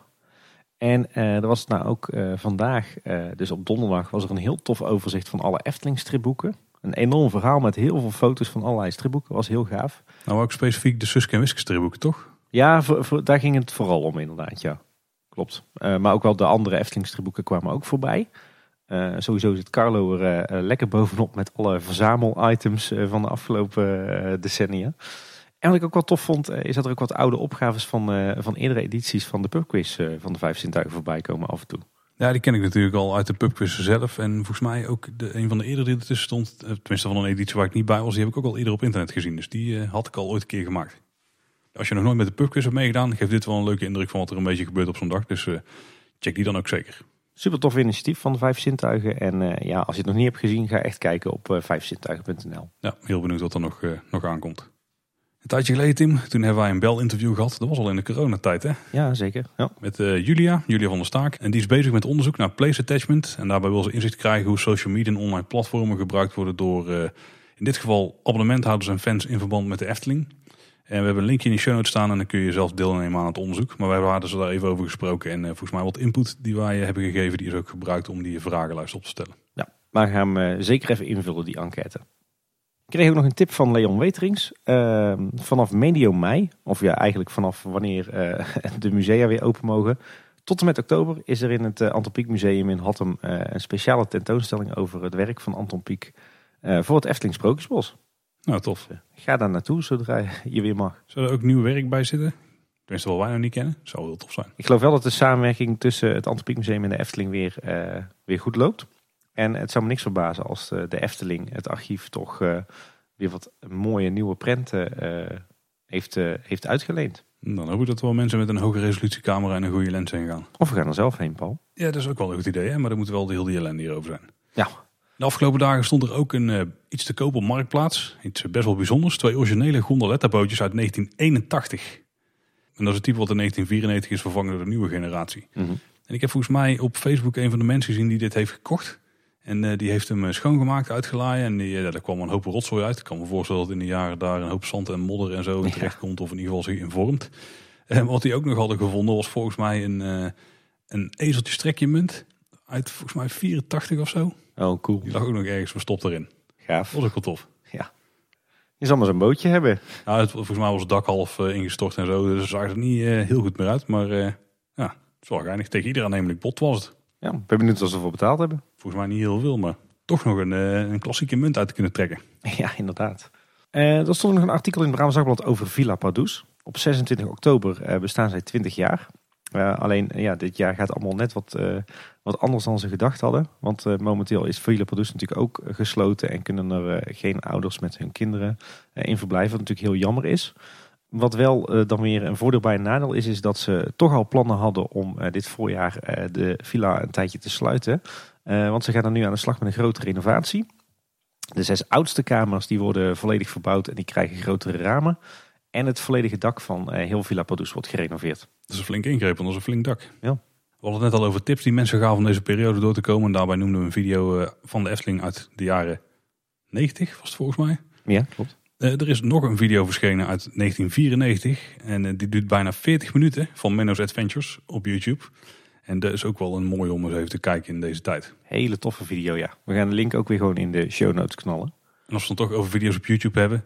Eh, gisteren op zondag 19 april, toen heeft de Efteling een oude documentaire over het leven van Anton Pieck op haar YouTube kanaal gezet. En dit doen ze met een eh, live première. Dus iedereen die kan dan eh, live meechatten en meekijken wat daar, daar gebeurt. Dus heel tof. Dus dat heeft allemaal te maken met het 25e geboortejaar van Anton Pieck. Ja, inderdaad. 19 april was de geboortedatum van Anton Pieck. Ja. En dan zijn we er eigenlijk al doorheen, Tim. Nou, al. Nou ja, al. We zijn al even bezig. Het eh, wordt weer een- eentje voor de, de top 5 recordafleveringen. Maar goed, dat mag denk ik wel. eh, dat, dat zullen onze luisteraars wel eh, accepteren, omdat we ook een feestje te vieren hadden. Hè? In dit geval wel. Ze hebben er zelf van bijgedragen. Ja. Dat hebben we wel. En dan nog dit. Oh. Hoe, hoe gaat het met jou verder, Paul? Trek je het nog een beetje, die hele coronacrisis? Eigenlijk is mijn, mijn, mijn, mijn state of mind is stabiel. Ja? Die is hetzelfde als de vorige keer. Ja, niks veranderd eigenlijk. Veel thuiswerken. Ja, het is een beetje de nieuwe way of life nou. Hè. En ik ben er helemaal aan gewend. Oh. Ik moet zeggen dat het bij mij ook wel went. Eh, en misschien zelfs wel te goed. Omdat ik nu denk van ja, het, eh, het, eh, we, zijn, we zijn zo zen. Er is ochtends geen haast meer om naar het werk te komen en naar het kinderdagopvang te gaan. En aan het eind van de dag lekker op tijd weer gaan koken. En daardoor is alles wel wat relaxter dan normaal. Dus ik vraag me wel af of het niet straks weer ontzettend wennen wordt om weer terug naar de oude manier van, van leven te gaan, zeg maar. Ja, de- af en toe heb ik dat idee ook wel van, oeh, het gaat ook weer een keer terug veranderen. Ja, precies. Het is wel heel relaxed, ja. Ja. Nou, ik ben wel blij, wij, eh, wij zijn gelukkig allemaal nog steeds gezond. Ik moet wel zeggen, die, die vijf, zes weken, die, die zijn echt wel voorbij gevlogen. En ik sta er zelf nog van te kijken hoe we ons toch eh, hebben vermaakt. Zonder dat we echt eh, naar al die eh, leisure-uitjes toe kunnen. Wel veel buiten geweest nog, heel veel natuur gezien en zo. Ehm, maar ja, aan de andere kant merk ik wel dat, dat thuiswerken nog steeds wel een uitdaging blijft met kinderen. Ik zeg dat, eh, dat qua werk het allemaal ook allemaal niet zo soepel loopt als ik had gehoopt. Ik merk dat mijn projecten toch allemaal wel vertraging oplopen. Niet zozeer omdat ik eh, weinig aan werk kan doen, maar ook omdat het natuurlijk ook voor collega's geldt. Ja, en ik moet zeggen dat ik toch ook wel steeds meer genoeg begin te krijgen van, eh, van al dat corona in de media en al dat gespeculeer. En tientallen pagina's in het Brabants Dagblad iedere dag weer over corona. En Tientallen minuten in de podcast. Gewoon Ja. er zelf niet aan meegedaan net. nou ja, inderdaad. en ik merk dat ik zo langzaam maar zeker heel die, die quarantainemaatregelen ook wel echt eh, beu begin te raken. En echt naar de dierentuin, het pretpark, de Efteling wil. Maar ja, we wachten maar gewoon af. En ondertussen maken we er gewoon het beste van, toch? Ja. Wat trouwens nog een luistertip is voor mensen die ook een beetje kampen met eh, ja, het spanningsveld tussen thuiswerken en, eh, en thuis ook kleine kinderen hebben rondhuppelen. Is luister zeker ook eens naar de podcast Ik ken iemand die. Speciaal voor en door ouders van jonge kinderen. Heel veel eh, herkenning en eh, zit daarin. En eh, gedeelde smart is halve smart. Dus dat is zeker een podcast die je in deze periode moet luisteren. En ik heb ook best wel veel puntjes openstaan in onze en dan nog dit categorie. Maar die laat ik eigenlijk even hangen voor de volgende keer. Want ik denk dat we lang genoeg hebben zitten kletsen. Maar ik heb wel één tip die ik nu even moet geven. Want die is enigszins tijdskritisch. Veel mensen die zitten nu meer thuis dan gewoon. Die eh, gedwongen of, eh, of niet. Die he- moeten een tijd doorkomen. En mocht je nou een PlayStation 4 hebben en nog nooit de Uncharted serie hebben gespeeld. Wat echt een van de tofste videogame series is die, eh, die er ooit hebben bestaan in mijn ogen. Dan kun je nu deel 1, 2 en 3 gratis krijgen van Sony. Dus als je een PlayStation 4 hebt, je moet volgens mij alleen een PlayStation account hebben, maar je hoeft niks van PlayStation Plus of iets te hebben. Je kunt Uncharted 1, 2 en 3 kun je gewoon gratis nu downloaden. Voor volgens mij een, een week of twee. En wat is daar voor spelletje? Nou, dat is dus een manier en daar prijzen ze best wel slim aan. Ze hebben dit nou dus gratis gemaakt, zodat je dan een digitale reis rond de wereld kunt maken. Want dat is echt een avonturengame, vergelijkt het een beetje met Indiana Jones. Eh, waarbij je gewoon heel de wereld rondreist en eh, op zoek gaat naar schatten en allemaal eh, een beetje mythes en zo tegenkomt. En daar dan de waarheid achter ontdekt en dat soort fratsen. Een hele toffe game, heel erg filmisch. Een van mijn favoriete gameseries ooit, samen met Zelda en Mario en dat soort series. En die is dus nu gewoon gratis, de eerste drie delen. En die zijn nog steeds enorm goed. En deel 4 kun je daarna kopen volgens mij voor twee tientjes of zo op de Playstation. Dus heb je een Playstation 4, die games nog nooit gespeeld, download ze nu. Nu zijn ze gratis, volgens mij tot tweede week van mei of zo, of eerste week van mei. En dan heb je zeker een uurtje of dertig heel veel kwaliteit entertainment voor je. Bij gemis van de Efteling. Oké, okay. nou, goede tip. Niks voor mij, maar misschien voor een van de luisteraars. Overigens, nou je toch hebt over reizen om de wereld. Ik moest wel lachen. We kregen een tip van iemand uh, die Disney Efteling heet op Instagram. Die had uh, foto's gezien van de beelden bij de tempel van de dageraad, de Wat Arun in Thailand. De, de beelden die daar staan, de wachters die bij die tempel staan, die lijken wel verdacht veel op de wachters van de Indische waterlelies. Zo, die leken er wel echt enorm veel op, ja. ja. Zullen dat linkje even delen in de show notes? Ja, was wel lachen. Wat, wat ik nog wil delen is, uh, laat ik er maar met, meteen mee beginnen. Uh, dat uh, onze grote inspiratiebron, waar we het al eerder over hebben gehad, de podcast Ochtend in Pretparkland, die zijn weer terug. Je hebben een hele lange winterslaap gehouden en sinds twee weken zijn ze weer begonnen. En ze knallen nu twee of drie afleveringen per week online ineens. Die zijn goed bezig, ja. Daar luister ik met veel plezier naar nog steeds. Ik ook. Dus bij mij altijd als, hij, als er een nieuwe aflevering online komt, dan gaan de andere podcasts aan de kant. En dan luister ik meteen naar Erwin en volle buiten. Ja. ja. Ik heb vooral heel erg genoten van een, een aflevering over Blackpool Pleasure Beach. Ja. Een, een stadspretpark zou je kunnen zeggen in, in Engeland. Ik wist daar nog weinig van. En ik heb wel een zwak voor dat soort foute stadspretparken en parken aan, uh, aan zee. En ik heb er echt enorm van genoten en heel veel geleerd over Blackpool. Hele toffe aflevering. Absoluut, ja, zeker. En ik kom zelf met moeite door mijn podcast heen. En maak ik altijd wel ruimte voor de, de standaard en grote pretpark podcastnamen. Uiteraard Ochtend in Pretparkland, maar daarnaast natuurlijk Team Talk van Maurice en Thomas. En Details met Joren, Michiel en Ralf. En natuurlijk ook Afterpark Lounge, Zoo Inside en Team Parks on Stage. Ik uh, kan er wel van genieten. Maar ik moet een beetje selectiever zijn nu. Hè? Maar dat is de situatie waarin in zit. Maar er zijn volgens mij ook heel veel mensen die nu juist meer tijd hebben om podcasts te luisteren. Dus ja, dan zijn die andere, andere podcasts zeker tips. Volop keus. Ja, ik luisterde normaal gesproken podcast vooral uh, in de auto na het werk. Dat zit ik nu bijna nooit meer. Maar ik heb toch ondertussen wel weer andere momenten gevonden om uh, mijn podcast te luisteren. Dus bij mij is het wel weer gestegen, mijn uh, luistertijd. Overigens kreeg ook nog een toffe tip van Olaf Wezel. Die zei, als je geen Netflix hebt, maar je wilt nou toch eens horen wat, waar Tiger King over gaat, de hitserie op Netflix, dan is er nu ook een podcast over Joe Exotic. Oh, oké. Okay. We zullen die link, ook, die link ook even in de show notes zetten. Um, als je dan nog verveelt, moet je zeker ook eens op Eftepedia kijken. de bekende site. daar hebben ze in verband met het 30-jarig jubileum van het, het Lavelaar hebben ze een heel aantal nieuwe artikelen geplaatst en een heel aantal bestaande artikelen fors uitgebreid. En daar zitten volop nieuwe, of ja, eigenlijk niet nieuw, maar er zitten volop onbekende ontwerpen, bouwtekeningen en bouwfoto's tussen. Dus heel tof. En een laatste nieuwe initiatief waar ik erg van onder de indruk ben, is de Dark Ride Database. We kennen natuurlijk allemaal RCDB, de Rollercoaster Database. En nu is er ook een, een Dark Ride Database met natuurlijk de, eh, de link darkridedatabase.com. En geloof het of niet, maar dat, die is opgezet, die, die database, die website, door drie Nederlandse heren, drie Nederlandse pretparkfans. Johan, Erik en Luc. En ja, goed, wat de naam al zegt, dat is een enorme database van alle dark rides ter wereld in pretparken. Ik heb die site nog niet gecheckt, maar ik zit er nou even overheen te browsen, maar er zit er best wel indrukwekkend uit. Ik moet hier eens even flink induiken. Ja, ja ze hebben de, de, de dark rides hebben ze ook verdeeld over verschillende categorieën. Uh, een dark ride, een semi-dark ride en een show ride. Uh, hebben ze ook allemaal netjes uitgelegd. En ze geven aan dat, dat de Efteling zeven dark rides heeft. Carnival Festival, Droomvlucht, Fata Morgana, Symbolica en de Vliegende Hollander. Maar ook Fabula en Villa Volta. Die ik toch zelf niet snel onder dark ride zou scharen. Terwijl bijvoorbeeld het Spookslot en Baron 1898 er dan weer niet onder, onder dark ride vallen. Dus het, is nog een beetje zoeken, denk ik, naar wat is nou de definitie van een dark ride en, en een show ride. Daar kan je van alles van vinden. Uh, maar dat is aan de andere kant ook alweer interessant. Want dat is eigenlijk diezelfde discussie op RCDB van wanneer iets iets nou wel of geen achtbaan. Ja. Uh, daar is ook niet echt een, eh, een vast antwoord op. Maar een, een hele toffe site, daar kan je jezelf echt enorm in verliezen. Ik moet er eens even flink overheen gaan browsen. Dat was je dan voor deze week. Even nogmaals voor de aflevering van volgende week. Die hebben dus opgenomen voor de coronacrisis. Die gaat over werken bij de Efteling. Volgens mij best wel interessant. Je krijgt ook best wel een uitgebreid kijkje achter de schermen over hoe de Efteling nu is georganiseerd. Dus dat is heel tof. we hebben ook voice clips geluisterd in deze aflevering van jullie. Wil je nou nog meer voice clips ons toesturen, dan kan het beste denk ik via de mail info.kleineboodschap.com. En als je een berichtje op een andere manier bij ons wil krijgen, dan hebben we daar voldoende opties voor. Ja, we zijn te bereiken eh, via onze website, dat is kleineboodschap.com. Daar hebben we een eh, contactformulier.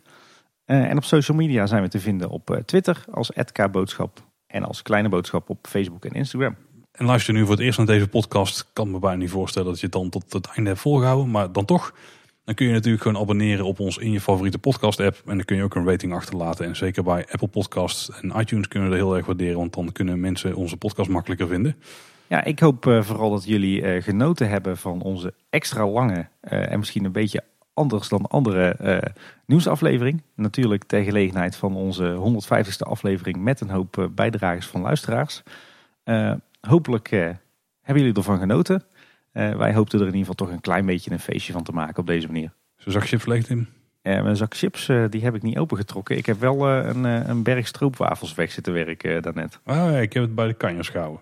Ook prima, prima om de avond mee door te komen. Ja, precies. Dat was het dan voor deze week. Aflevering 150 zit erop.